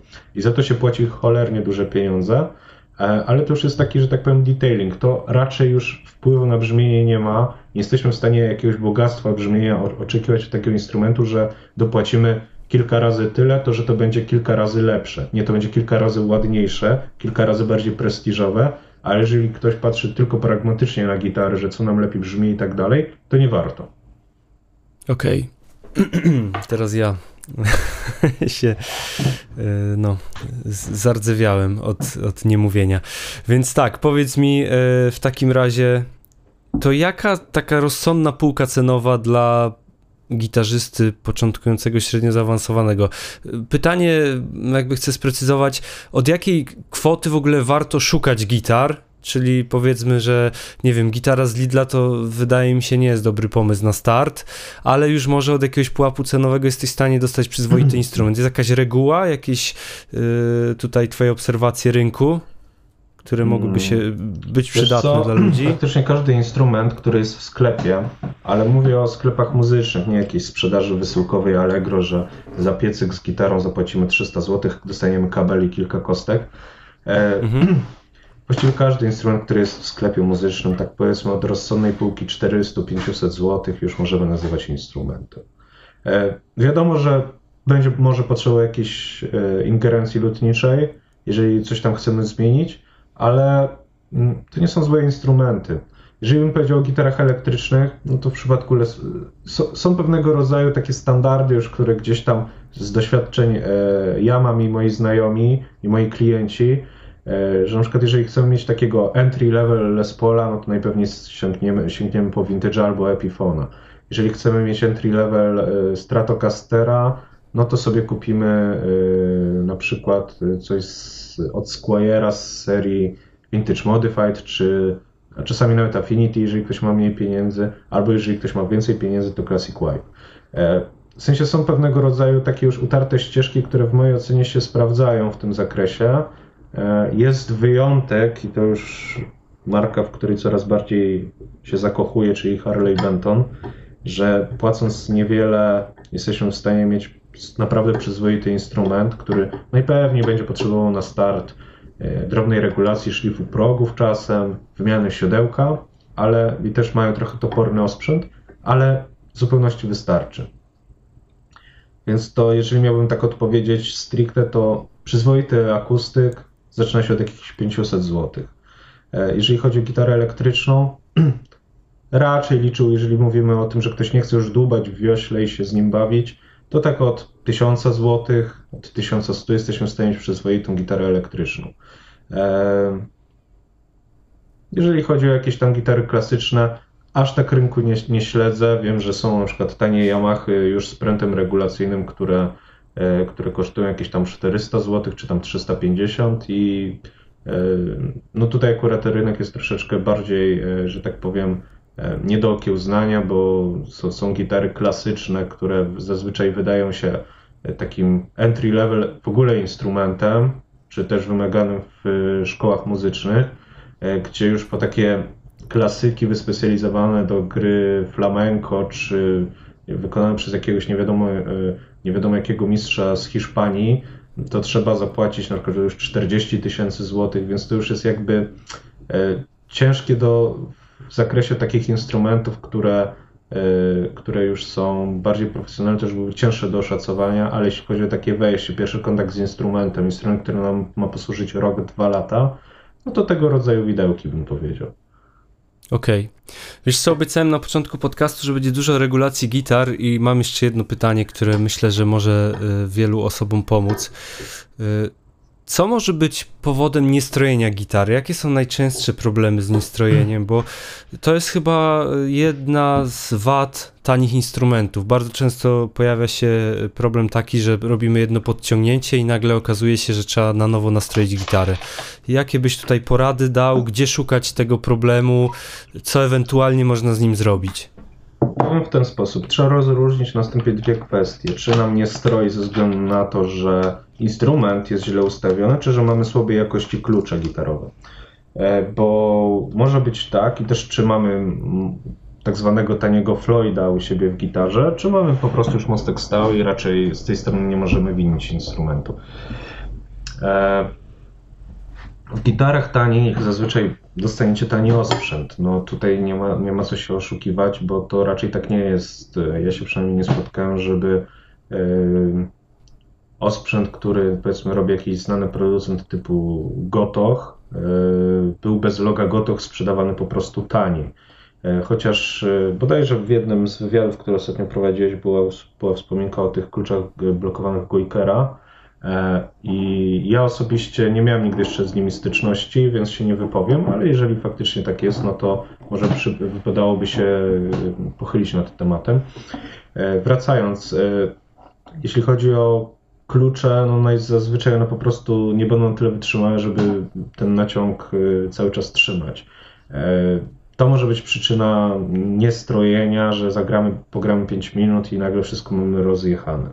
Natomiast jeżeli stwierdzimy, że instrument mniej więcej ten naciąg nam trzyma, a mimo to gitara nam nie stroi, no to trzeba się przyjrzeć dwóm punktom, czyli ustawienie menzury na mostku oraz y, sprawdzeniem, czy mamy poprawnie y, nacięte sloty na siodełku. I to są takie główne miejsca, nad którymi trzeba się zastanowić. Ustawić menzurę wydaje mi się warunkach domowych mniej więcej jesteśmy w stanie ją sobie poprawnie ustawić, jeżeli nie mamy na przykład strojka stroboskopowego. E, natomiast jeśli chodzi o sloty siodełek, są, y, są tutoriale, gdzie wykorzystując brzeszczot można sobie też sloty ponacinać, aczkolwiek polecałbym się jednak z tą konkretną usługą udać do lutnika, bo my posiadamy takie specjalne pilniki do tego ustosowane stricte już pod y, rozmiary strun i to się świetnie sprawdza. Więc y, tutaj bym głównie szukał tych przyczyn. Przede wszystkim wyeliminować problem z tanim mostkiem. E, najlepiej tani mostek dwustronny zablokować. Natomiast e, sprawdzić, czy klucze nam nie latają, nie ma tam niepotrzebnych e, luźnych ruchów i czy one faktycznie. Kiedyś się spotkałem, że klucz, na który nawinąłem strunę, oczami widziałem, jak on się obraca w przeciwną i gubi naciąg. Więc, mhm. więc to też trzeba sprawdzić, czy na pewno nasz sprzęt jest ok. E, no i chyba tyle. A samo ustawienie, samo ustawienie intonacji, e, tak jak mówię, mezur jesteśmy w tym podstawowym zakresie sami ustawić, z siodełkiem lepiej już pójść do lutnika. E, najczęściej będzie się to objawiać tym, że jeżeli nam nie, stroi, nie stroją te nie stroją nam dźwięki na, w tej pierwszej pozycji, gdzie zazwyczaj gra się tak ogniskowo akordy, E, to raczej będzie wina siodełka niż samej menzury ustawionej na mostku. Jeżeli nam nie stroi na, że tak powiem, całym e, mm, e, całej powierzchni postronicy, no to tutaj już bym szukał winy, winy z ustawieniem menzury na mostku. Jest jeszcze tylko taka kwestia, na którą warto uczulić. Jeżeli na przykład ktoś ma mm, gitarę z 24 progami, a czasami i więcej, E, nie da się, przynajmniej w moim odczuciu, ustawić idealnie tak, żeby za 12 progiem do 24 progu ustawić idealnie e, tę menzurę, żeby absolutnie wszędzie nam stroiło. Wynika to poniekąd stąd, że im wchodzimy w wyższy zakres, e, coraz wyższe oktawy po prostu pokonujemy, to niestety nasz. O, może powiem w ten sposób Ułożenie progów na gitarze jest pewnego rodzaju kompromisem i bywały już próby, na przykład firma VGS wypuściła model, gdzie były takie pofalowane progi, to miało na celu skompensowanie tych, że tak powiem, kompromisów, które wynikają z tego, że na gitarze się po prostu wygodnie grało i zyskać na tym e, praktycznie idealne strojenie. Niestety w przypadku gitar nie jest to takie, takie do osiągnięcia. Też zupełnie inne są Jakbyśmy chcieli idealnie progi wstawić za 12 progiem, byście się zdziwili, jak pod dziwnymi kątami one by były. E, dlatego też, jeżeli mówimy o ustawieniu menzury względem 12 progu, jak najbardziej jesteśmy w stanie to wykonać. To, co się dzieje dalej, niestety trzeba to instrumentowi wybaczyć ze względu na, na jego, nie, powiedzmy, że niedoskonałość. Jasne. E, ja tu jeszcze dodam, że często na strojenie w niskich pozycjach też wpływa technika gry na instrumencie, że właśnie ludzie mają tendencję do zbyt mocnego dociskania i jeżeli wcześniej mówiliśmy o zużyciu progów, to teraz mówimy o tym, że zbyt mocne dociśnięcie do progu powoduje podniesienie wysokości dźwięku, więc zanim zaczniecie korygować siodełka i, i, korygować menzurę, to sprawdźcie sobie, czy nie wkładacie zbyt dużo siły też w granie na gitarze, bo to jest taki częsty, częsty błąd początkującego. Dokładnie. Więc może wróćmy do tego tematu biznesu lutniczego. Powiedz mi, czy warto się tym zajmować ze względu na ekonomię, czy w sensie walory finansowe, czy trzeba mieć jakieś specjalne kwalifikacje, jakieś uprawnienia, wykształcenie w tym kierunku. Co byś mógł powiedzieć dla osób, które, y, którym chodzi po głowie to, że może sam, sami by się chcieli zająć y, lutnictwem? Um, powiem w ten sposób. Y, jest to zawód, on nie jest w żaden sposób regulowany obecnie. Można ukończyć Wydział Lutnictwa na Poznańskiej Akademii Muzycznej. Była też, nie wiem czy jest nadal, szkoła lutnicza w Nowym Targu. Natomiast, natomiast hmm, w większości osób, które znam, e, nie posiadają wykształcenia lutniczego, jeżeli mówimy o osobach, które zajmują się stricte gitarami. E, czy warto?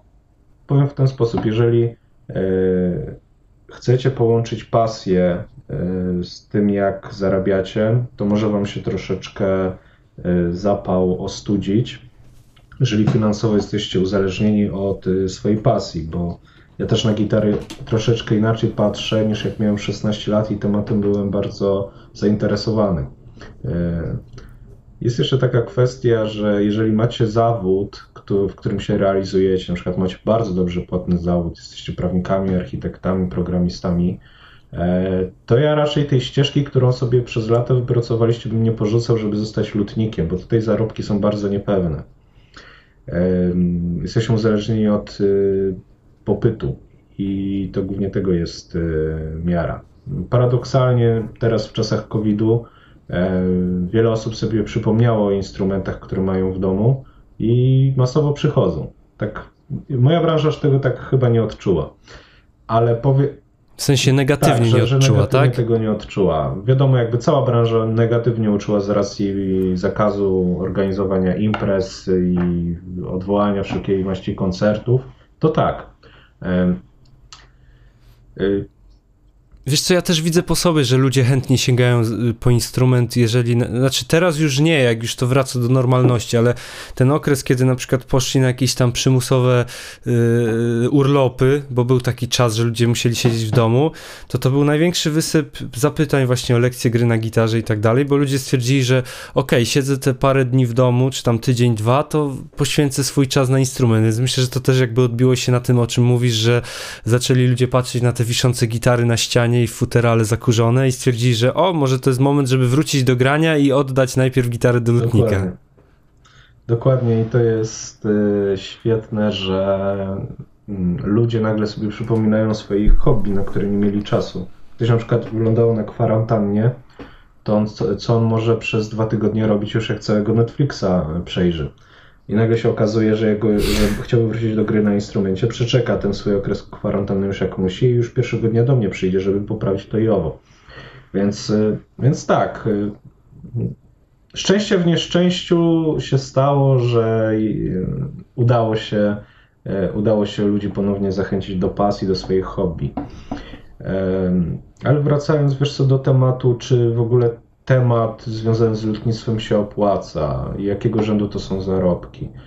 E, jak zaczynałem w tej branży, to zdarzało się, że człowiek był przez już wspomniany ZUS na minusie, bo też popyt nie był jakoś specjalnie duży, szczególnie jak się zaczyna, to są e, praktycznie w każdej branży no jeden z najgorszych okresów.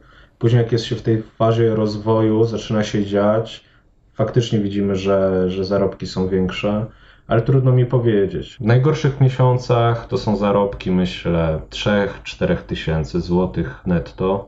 Natomiast jeśli chodzi o zarobki, powiedzmy, mm, takie największe, które się zdarzyły, właśnie to sky is the limit, może być 10, może być 15 tysięcy, e, ale to wszystko jest uwarunkowane popytem, bo e, Gdybym miał taką średnią wyciągnąć z poprzednich lat, to pamiętam, że na przykład y, sierpień jest jednym z gorszych okresów, bo e, wszyscy studenci e, już dawno wyjechali, teraz jest trochę inaczej przez covid bo część osób zdecydowała się zostać i nie wracać. E, ale co do zasady, nie jest źle, ale też to nie jest coś takiego, że można przeskoczyć na nie wiadomo jaki, na, na nie wiadomo jak dużą, wyższą stopę życia, bo po prostu nie jest to jakiś tam zawód, że tak jak na przykład prawnicy potrafią za to, że podpiszą dokument, na, na który nie patrzą, zainkasować 2000 zł, a my faktycznie tym pilnikiem musimy trochę popracować i też czasami jeżeli nie ma się dobrze odpowietrzonej, powiedzmy, instalacji lakierniczej, to też można troszeczkę zdrowiem to przypłacić, więc no niestety są to zarobki, bym powiedział, takie przeciętne. To nie jest takie niesamowite. Tak jak mówię, są, są miesiące lepsze, są, są miesiące gorsze. E, też trzeba za lokal zapłacić, wiadomo. E, praktycznie jak w każdej branży związanej z usługami. Jedynym problemem tutaj jest klient, bo podaż jesteśmy w stanie zapewnić, ale, ale pozostaje kwestia popytu. Czyli chodzi o to, że ta proporcja wypracowanego czasu do pieniędzy nie jest jakaś zatrważająca. Dokładnie. E, części osób może się wydawać, że mm, miałem kiedyś takiego klienta, który e, zostawił gitarę u mnie jakoś rano i miał odebrać po południu. No i gitara była na szlif progów. E, okazało się, że jestem w stanie mu to zrobić w ciągu jednego dnia, bo tego dnia nie miałem żadnej kolejki i też przyszedł odpowiednio wcześnie rano. Odebrał ode mnie po południu i podałem mu cenę i spytał, jak to że, że, że czemu tak dużo i on tyle dwa dni na budowie musi pracować. Więc jest pewne niezrozumienie takie tematu, że doświadczenie, wiedza plus narzędzia, które tanie nie są, e, to wszystko kosztuje i no chyba, chyba tak to można ująć.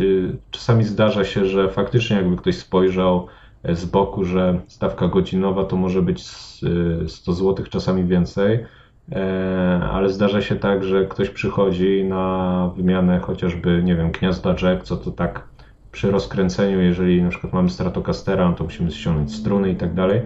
E, e, przepraszam, nie Stratocastera, jakiegoś powiedzmy, nie wiem, Jazzbuster zły przykład, ale powiedzmy jakąkolwiek gitarę, która na przykład ma zamontowanego gniazdo jack tak, że musimy kompletnie ściągać, kompletnie musimy ściągać struny, rozbrajać gitarę, Trochę czasu to zajmuje, a koniec końców okazuje się, że zarabiał na tym 20 zł, a męczyliśmy się z gitarą ponad godzinę. Mhm. E, więc no tutaj nie, ma, tutaj nie ma takiej reguły. Wszystko zależy od popytu i tego, co ktoś nam zleci.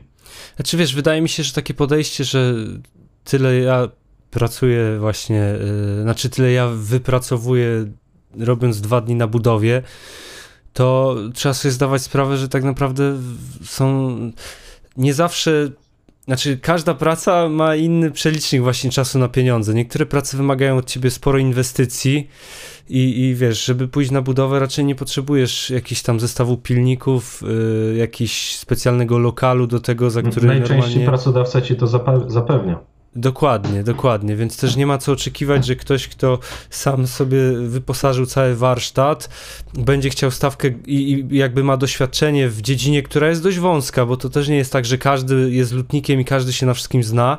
To ciężko oczekiwać, że taka osoba będzie miała stawkę godzinową y, podobną do kogoś, kto y, pracuje na budowie jako pomocnik y, majstra na przykład, nie? Hmm.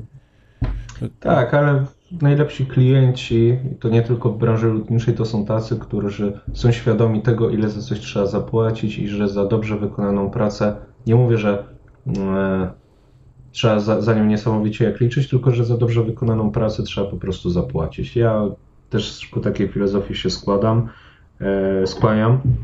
Uważam, że jak e, mam zapłacić gdzieś 100 zł drożej, a mieć pewność, albo ewentualnie pewność, że moja reklamacja nie będzie odrzucona, no to wolałbym to. Już raz się przejechałem na serwisie samochodowym, który, że tak powiem, był oczywiście tańszy, a jeżeli były już jakieś problemy, to nagle okazało się, że gwarancja jest dobrany. I się nie znamy. I się nie znamy. Właśnie, i to, i to, i to jest tego kwestia. No. Gwarancja... Ale też mi się wydaje, że w dzisiejszych czasach już się powinno odchodzić od tego modelu, że się walczy ceną, bo mhm ceną w tym zakresie, że pójdę do tego, kto jest najtańszy. Wiadomo, że jeszcze są takie przyzwyczajenia, myślę, y, z czasów transformacji ustrojowej, że po prostu chodziło się, y, no, w sumie jest to w dalszym ciągu racjonalne, ale chodzi mi bardziej o to, że chodziło się tam, gdzie jest po prostu taniej i tam, gdzie można było coś taniej załatwić, czasami potrafiło się jechać parędziesiąt kilometrów gdzieś Y, załatwić jakąś usługę, bo po prostu było znacznie taniej, ale ludzie też nie, nie liczą swojego przeliczniku czasowego. Y, to jest tak samo jak, nie wiem, są osoby, które. Y, ja, ja na przykład należę do takich osób, że ja sobie nie robię obiadów, bo stwierdziłem, że czas, który bym poświęcił na przygotowanie, mycie garów i tak dalej, to nagle się okazuje, że przy kosztach składników, jak doliczysz ten czas, gdzie weźmiesz sobie taką stawkę godzinową, powiedzmy, pracy swojego czasu, załóżmy, niech to będzie jakieś tam od najniższej krajowej, to chyba obecnie jest jakieś 14 zł, to ci magicznie wyjdzie, że ci wychodzi ta różnica, którą byś w restauracji dopłacił. Jeżeli chodzi o jakiegoś schabowego, czy tam powiedzmy mhm. pierś kurczaka, jakąś zupę i, i to jest właśnie to, że trzeba też mieć na względzie, że czasami trzeba y, zapłacić po to, żebyśmy mieli więcej czasu dla siebie. Wiesz co, jeszcze jedno powiedzenie mi się przypomniało. Gwarancja do studni, a studnia za bramą. No, no. A to prawda. No tak, to, to, to, to też się spotkałem. Ale cóż, no. E, a powiedz mi, taka proza życia lutnika, czym głównie się zajmujesz? Bo rozumiem, że takie rzeczy jak super modyfikacje gitar, jakieś zmiana lakieru, to są raczej pomniejsze czynności. Głównie to jest regulacja, czy są jakieś inne, o których nawet ja bym nie przypuszczał, że głównie z tym ludzie się zgłaszają? Wiesz co? Y najczęściej się wykonuje szlify progów. Okay. Ale to też nie jest tak, że my za każdym razem na ten szlif progów naciągamy, bo niestety się tak zdarza. Z tego, co ludzie mówią, że jak ktoś był w jednym serwisie, podzieli szlif progów, no on tak się tak przespał, z ciekawości przyszedł do mnie, ja patrzę, że progi wystarczy wypolerować, żeby ewentualne ryski zniwelować, zupełnie się to nie, nie kwalifikuje do szlifu progów. E, Czyli taka gitarowa uszczelka pod głowicą. Dokładnie, dokładnie. I z tą wszelką podgłowicą to ja już miałem do czynienia w swoim samochodzie, więc wiem o czym wiem, wiem, wiem o czym, czym mówi. Ale słuchaj, jest sprawa taka. E, najczęściej są szlify. E, no i ludzie, którzy chcą po prostu wyregulować instrument. Mam takiego klienta, który przychodzi do mnie nagle po wielu latach, przypomniał sobie, że grał kiedyś na basie i pamiętam, e, już nie pamiętam co to było, jakiś defil Malwa chyba. To był taki bas. I on przyzwyczajony w tych jeszcze czasach, e, z czasów poprzedniego ustroju, jak się grało na tych instrumentach, że tam akcja 3 e, cm przysłowiowe by były nad, nad progami i przyszedł do mnie z Fenderem, którego świeżo kupił. W ogóle dosyć mocno się targnął, bo on kupił jakiegoś Fendera Performera, to taki basik już za chyba 4-5 tysięcy, w sensie już yy, półka amerykańska, mhm. aczkolwiek jako taki baz, żeby sobie przypomnieć grę, no to trochę poleciał. no trochę tak. E, I powiem szczerze, ten, i on tam był trochę zdziwiony, bo myślał, że e, on głównie do mnie chyba przyszedł na ustawienie intonacji, bo tam słyszał, że coś mu nie stroi. E, I powiedział, że no czasy się zmieniają, ale widzi, że nie rozwiązano tego problemu związanego z wysokością strun, nie? A ja mówię, a ja mówię, niech pan poczeka. No i tam on sobie poszedł, y, wrócił za chyba dwie godziny, wraca i był zdziwiony, jak nisko można ustawić akcję strun w basie. Więc, y, więc tak, jakby czasy, czasy tych defili minęły. Zresztą ja już mam taką politykę na serwisie. Przyjąłem, że jak ktoś do mnie przychodzi, a to jest w ogóle śmieszna sytuacja, bo jak ktoś do ciebie przychodzi E, o inaczej, ktoś do ciebie dzwoni, że znalazł starą gitarę na strychu klasyczną i chciałby ją odnowić. To pierwsze pytanie kontrolne, jakie trzeba zadać, czy to jest defil. Bo jeżeli słyszysz, że tak, no to trzeba klientowi wytłumaczyć, że raz, Odkładam że nie słuchawkę. warto, a dwa, a dwa że, się, że, że się nie podejmę, bo nie chcę po prostu rozczarować, bo niewiele się da zmienić. Jasne. Także, także no cóż, by, bywa i tak. E, często odnawiam instrumenty. Mm, od jakiegoś czasu mam jakiś wysyp ludzi, którzy przychodzą do mnie z mandolinami. To jest jakiś, nie wiem, e, może jakiś, e, jakaś nostalgia za, za Stanami czy za jakimś folkiem, ale powiem szczerze, coraz częściej tak jest, że przychodzą ludzie z, z renowacjami tego typu instrumentów. U mnie na Instagramie jest, chyba wrzucałem, zdjęcie po renowacji lutni romantycznej z XIX wieku. E, takie instrumenty też się zdarzają, a tym bardziej była to trudna renowacja, bo kluczy do tego nigdzie znaleźć nie można było i trzeba było e, robić, przerabiać istniejące klucze gitarowe, co całkiem, całkiem fajnie wyszło. E, miałem irlandzkie buzuki na serwisie, To tak z ciekawszych rzeczy, które się pojawiają. Raz harfę naprawiałem, ale powiem szczerze, że głównie tak to raczej, raczej szlify progów i regulacje. Klejenie okay. główek też, ale to jest raczej takie, że ludzie często nie są świadomi kosztów, jakie za tym idą i jeżeli to jest naprawdę tani instrument, to ludzie już raczej taki instrument spisują na straty niż, niż że coś faktycznie chcą z nim robić. Chociaż tutaj dużo daje sentyment, bo miałem przypadek, gdzie ktoś przyszedł do mnie z gitarą za 700 zł, to był jakiś yy, Ibanez, ale taki z tych czasów, kiedy z tych czasów, kiedy chyba to były jakieś lata, koniec lat 90., kiedy już do tego czasu praktycznie wszystko w tej gitarze było zardzewiałe, potencjometry trzeszczały, nic się praktycznie nie dało e, z tego instrumentu tak e, w pierwszej chwili wyciągnąć. E, no i jak wyszło, że rachunek łączny przekroczył wartość gitary, to człowiek się na to zdecydował z sentymentu. Mhm. Ze zwykłego po prostu ludzkiego sentymentu. Więc tutaj jakby też nie ma takiej tendencji, bym powiedział, stricte, że ludzie patrzą tylko, czy się opłaca, czy że instrument kosztuje, więcej, e, kosztuje mniej niż e, usługa, którą się chce zlecić. Także najczęściej, tak jak mówię, szlify, regulacje, czasami się zdarzają też klejenia. Właśnie przeglądałem twojego Instagrama, ale to jest na twoim prywatnym, czy masz jakiś firmowy jeszcze oprócz tego? Bo nie znalazłem wiesz tego. Co, wiesz co, yy, mam Instagram łączony Aha. z racji tego, że niestety nie pomyślałem o tym wcześniej, a mm, że tak powiem, e, dużo moich znajomych jest, obserwuje mnie i nie chcesz po prostu tam później głowy zawracać, hej, to mój nowy Instagram i tak dalej, więc po prostu łączę, łączę zawodową praktykę, która też się łączy z prywatą, no bo to jest moja pasja. Więc jeżeli tam gdzieś zauważycie, że pomiędzy tymi gitarami jakiś karabin nagle wam wyskoczy, to się nie bójcie, bo to jest po prostu też moja pasja.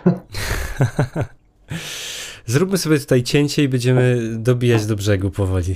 W takim razie, jakby ktoś mimo y, tego, że na samym początku nie jest zbyt prosto, stwierdził, że ok, biorę się za lutnictwo i chciałbym postawić pierwsze kroki, to co byś poradził? Od czego w ogóle zacząć zabawę? Z, y, od czego zacząć przygodę z serwisem gitar? Zanim bym się zajął lutnictwem, sprawdziłbym, czy. E, ja to, nie każdy to ma, ale ja bym to powiedział z własnego doświadczenia. Mi często, jeżeli czegoś nie wiem, jakby pomaga to, że mam wiedzę w innym zakresie. Ja, ja jestem inżynier, inżynier akustyk, no i gdzieś tam po prostu się liznęło w tym zakresie wiedzy i też jakby to było na Wydziale Elektroniki, więc elektroniką też jestem za pan brat. E, powiem tak, e, dobrze łączyć tą taką interdyscyplinarność we wszystkich dziedzinach życia, szczególnie w lutnictwie. E, ale o backgroundzie, o którym chcę powiedzieć, to głównie mi chodzi o to, żeby mieć, mm, jakby to powiedzieć, e, wcześniej sporą wiedzę tego, co jest na rynku, e, sporą wiedzę o akcesoriach, sporą wiedzę o modelach i też taką wewnętrzną ciekawość, bo nie każdy to ma, ale jeżeli ktoś to ma, to jest bardzo dużym plusem. I też, żeby ktoś naturalnie chciał tę wiedzę powie, poszerzać po prostu swoje horyzonty. Ja na przykład mógłbym godzinami czytać o starych, o starych e, Fenderach, zarówno wzmacniaczach, jak i gitarach, bo jest to poniekąd moja pasja, ale jest to pasja, którą mogę przekuć później e, w coś, co dodaje wartości u mnie na serwisie. Więc na tym bym się głównie skupił. Natomiast jeżeli mówimy o takim aspekcie stricte e, materialnym, czego my potrzebujemy do pracy jako lutnik, to ja bym przede wszystkim powiedział o tym, e, że 600-700 zł na podstawowe narzędzia, nie mówię o elektronarzędziach, e, w zupełności wystarczy, żeby tam zacząć znajomym regulować gitary za przysłowiowe piwo. Jeżeli już będziecie w stanie sobie wypracować fajniejszy zysk, to dobrze jest, y, to dobrze już jest zacząć inwestować, tylko pamiętajcie, że na początku, jeżeli będziecie się chcieli zbliżać do tych stawek, które normalnie lotnicy mają na rynku, to musicie też oferować jakość. I nie mówię tylko o jakości samej usługi, tylko jakości przebywania z klientem.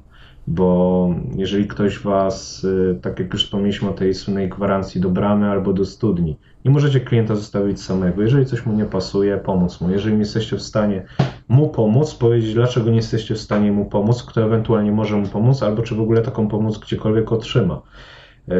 To są takie bardziej właśnie kwestie, zszedłem chwilowo z tych materialnych na te, że tak powiem, przygotowania jakby do zawodu. Y, natomiast jeśli chodzi o takie materialne, to jeszcze bym polecał porobić różnego rodzaju kursy związane z, e, z pracą e, przy drewnie. Kurs stolarski, kurs e, może nie spawania, ale jakiegoś nauczyć się od znajomego lutowania, bo to też będzie Wam szczególnie przydatne przy jakichś modyfikacjach elektroniki. Czy, czy na przykład sama obsługa lutownicy, żeby wyjąć progi w gitarze, które, które są wklejone. Więc tutaj, e, więc tutaj bardziej bym się skupił, że może te pieniądze na start nie są aż tak ważne, co ważne jest przygotowanie merytoryczne i psy, psychiczne, bym powiedział. 600-700 e, zł starczy Wam spokojnie na parę bloczków radiusowych, na pilniki do koronowania progów. E, następnym etapem kupno wełny stalowej. Następnym etapem w mojej ocenie byłoby, byłby zakup, zakup jakiejś szlifierki oscylacyjnej typu Dremel czy coś więcej na start? Ja myślę, że pierwsze półrocze to będzie głównie okres inwestowania w to wyposażenie warsztatu.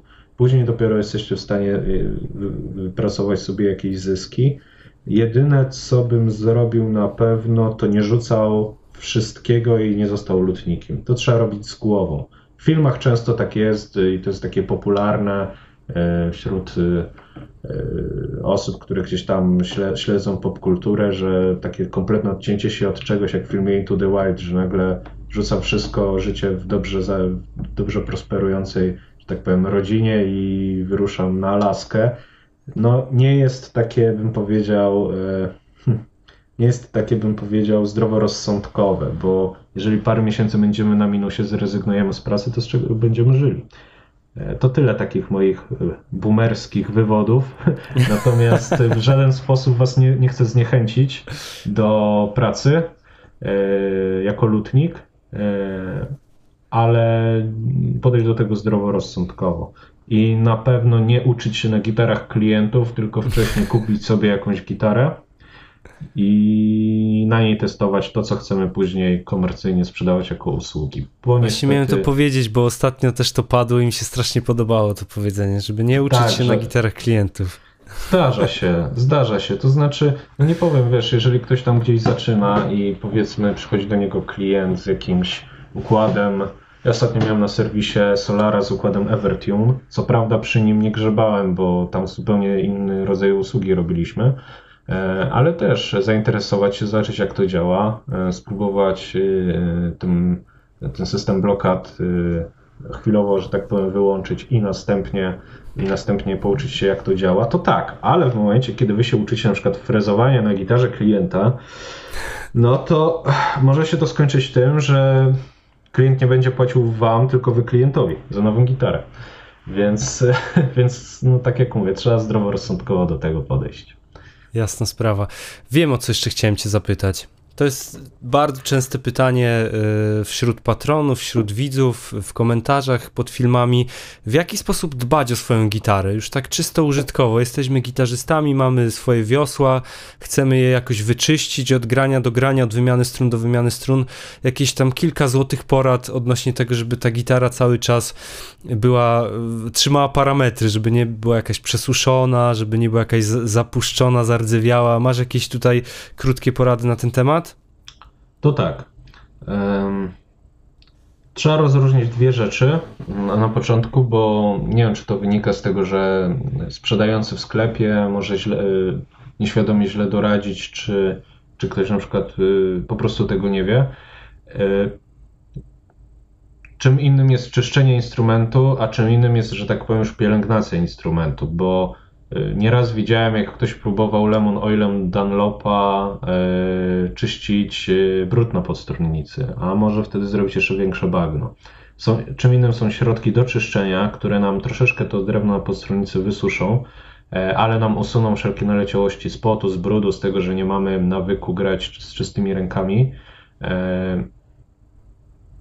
A następnie takie drewno dobrze jest zakonserwować, powiedzmy, właśnie jakimś olejem. Może to być właśnie olej cytrynowy od Dunlopa, Lemon Oil, który tak naprawdę z cytryną ma wspólnego zapach i kolor, bo to tak naprawdę jest zwykły olej mineralny. E, powiem tak, no, e, jeżeli chodzi o lakier, to wiadomo, że tak naprawdę w przypadku lakierów poliuretanowych, cokolwiek co nie zawiera silikonu, możecie używać, nie, niekoniecznie to musi być jakiś Guitar Polish czy coś takiego. Od GHS, jak Guitar Polish, nie pamiętam, czy to się tak nazywa, tak jak mówię, ale od, pamiętam markę od GHS-a, jest świetny, e, świetne mleczko, które nam nabłyszcza gitarę i ona po prostu świetnie wtedy wygląda, nie ma tak zwanych e, nie ma tak zwanych fogi e, e, się, się nazywało jakoś tam fogi shines, że patrzymy pod światło i widzimy, że tam jest jeszcze takie przybrudzenie, czy coś świetnie czyści, ale tak naprawdę mogą to być tak, tak samo mleczka detailingowe, których się używa przy samochodach. Jeżeli mówimy o gitarach wykończonych tym najbardziej popularnym lakierem. W przypadku lakierów nitro, no tutaj już bym troszeczkę był bardziej zachowawczy. Z tego co wiem, na przykład y, ludzie, którzy posiadają już te droższe Gibsony z custom shopu, te roczniki, reedycje, to właściwie nie używają żadnych poliszów, tylko yy, zwykła, wyciśnięta yy, szmatka po prostu wilgotna i tyle. Więc tutaj jest jakby zupełnie też inna, zupełnie inna kwestia, jak się do tego podchodzi. Yy, częstym pytaniem, i to myślę, że rozwieje trochę wątpliwości, jest to, jak postępować w przypadku, jak ktoś ma posterunicę wykonaną z klonu. Dokładnie. bo to jest troszeczkę inaczej. E, gitary, które mają klonową podstrunnicę, e, albo są wykonane po prostu gryf i podstrunnica stanowią jedność jako jeden kawałek drewna, e, jest tak, że one najpewniej są lakierowane. Ale z racji tego, że nasze palce oddziałują z tym lakierem, to ten lakier nam naturalnie się zużywa. Jeżeli byśmy użyli jakiegoś środka właśnie oleju typu lemon oil, to możemy odbarwić takie drewno. Albo co gorsza, wprowadzić jakąś reakcję chemiczną, że e, już miałem przypadek, jak ktoś używał lemon oila i progi zaczęły same wychodzić. Więc yy, powiem tak. Mm, jeżeli mamy tą posterunicę polakierowaną i ona jeszcze nie ma środków zużycia. I teraz powiem taką rzecz kontrowersyjną, ale proszę pamiętać, że ja nie mówię o tym, że oddziałujemy bezpośrednio na drewno.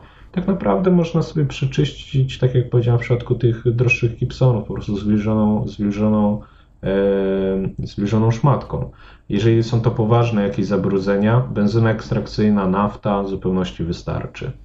Odradzałbym raczej stosowanie jakiegoś rodzaju rozcieńczalników. One świetnie usuwają wszelkiego rodzaju e, zabrudzenia, ale jeżeli użyjemy niewłaściwego, nie jesteśmy pewni, jaki rodzaj lakieru mamy na podstronnicy, czy w ogóle na całej, e, na całej naszej gitarze, no to jesteśmy w stanie komuś zdjąć warstwę lakieru i może być duży problem.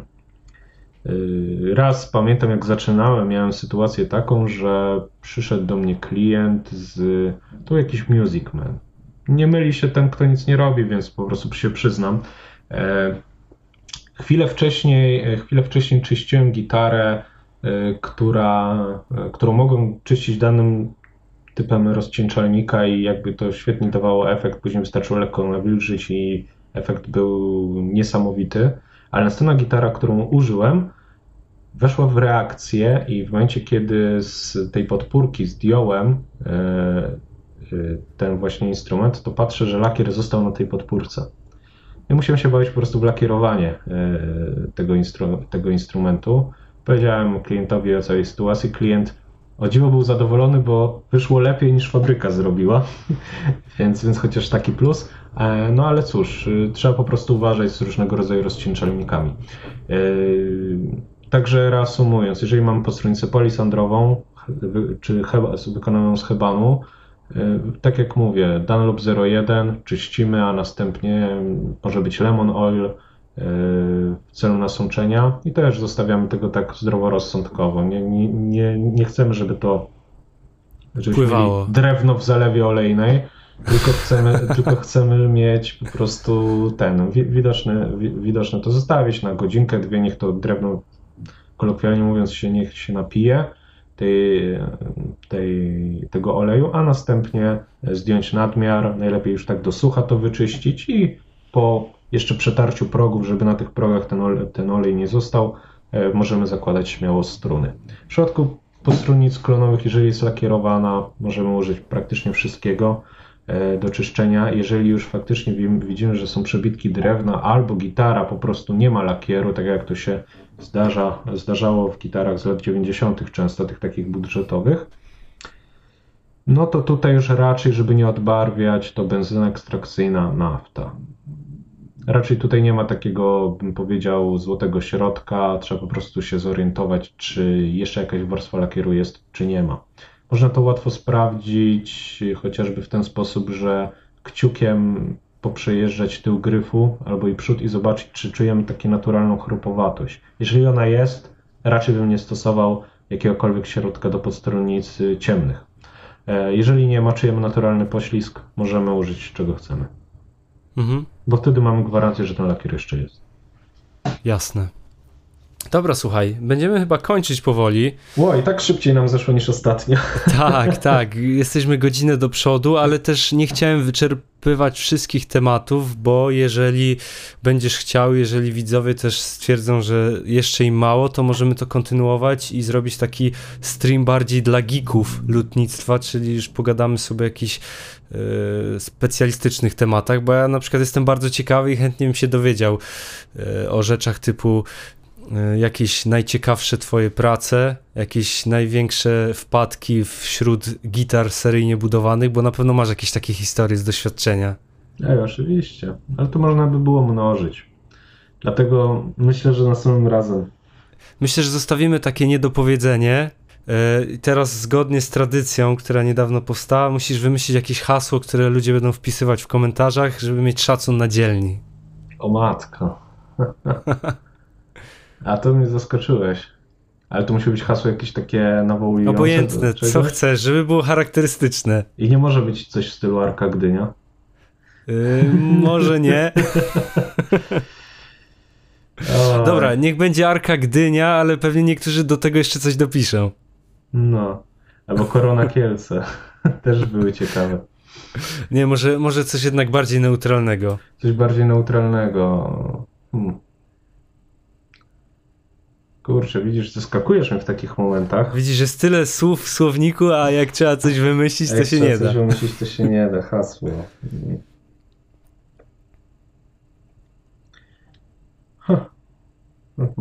I teraz rzucę Few Eternities Later. No właśnie, właśnie. Ze SpongeBoba. Dobra, więc hasłem dzisiejszego odcinka jest SpongeBob. O, właśnie, niech będzie po prostu SpongeBob i tyle. I bo, kto napisze w komentarzu, nic będzie miał... rano nie wymyślę. będzie miał dozgonny szacun na dzielni, jeżeli napisze SpongeBob w komentarzu. No. Więc myślę, że możemy kończyć. Dzisiejszym gościem był Czarokrates, Cezary Stradomski z Fazji, serwis lutniczy i naprawa gitar we Wrocławiu. Dziękuję za rozmowę. Zapraszam Dzięki wszystkich, zapraszam wszystkich widzów do wpadania na fanpage, Instagramy y, Czarka. Pozdrówcie tam y, go od Bazoka.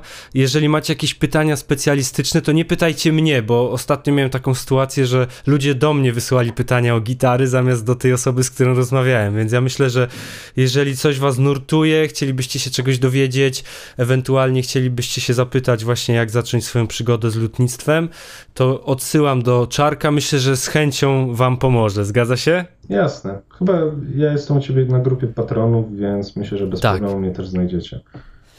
Dodatkowo, jakbyście chcieli się zainteresować strzelectwem sportowym, to też możecie do niego pisać. Śmiało zapraszam. Dzięki bardzo za rozmowę. Trzymajcie się, hej. Cześć. I to już koniec kolejnego odcinka gitarowego podcastu Bazoka. Jeżeli Ci się spodobał, gorąco zachęcam do śledzenia, do bycia na bieżąco z tematem i przypominam, że na moim kanale YouTube Bartosz Bazok-Zelek możesz oglądać podcasty, a więc nie tylko słuchać rozmówców, ale również widzieć ich reakcje. Bardzo dziękuję za uwagę, trzymaj się ciepło, gitary w dłoń, do następnego. Cześć!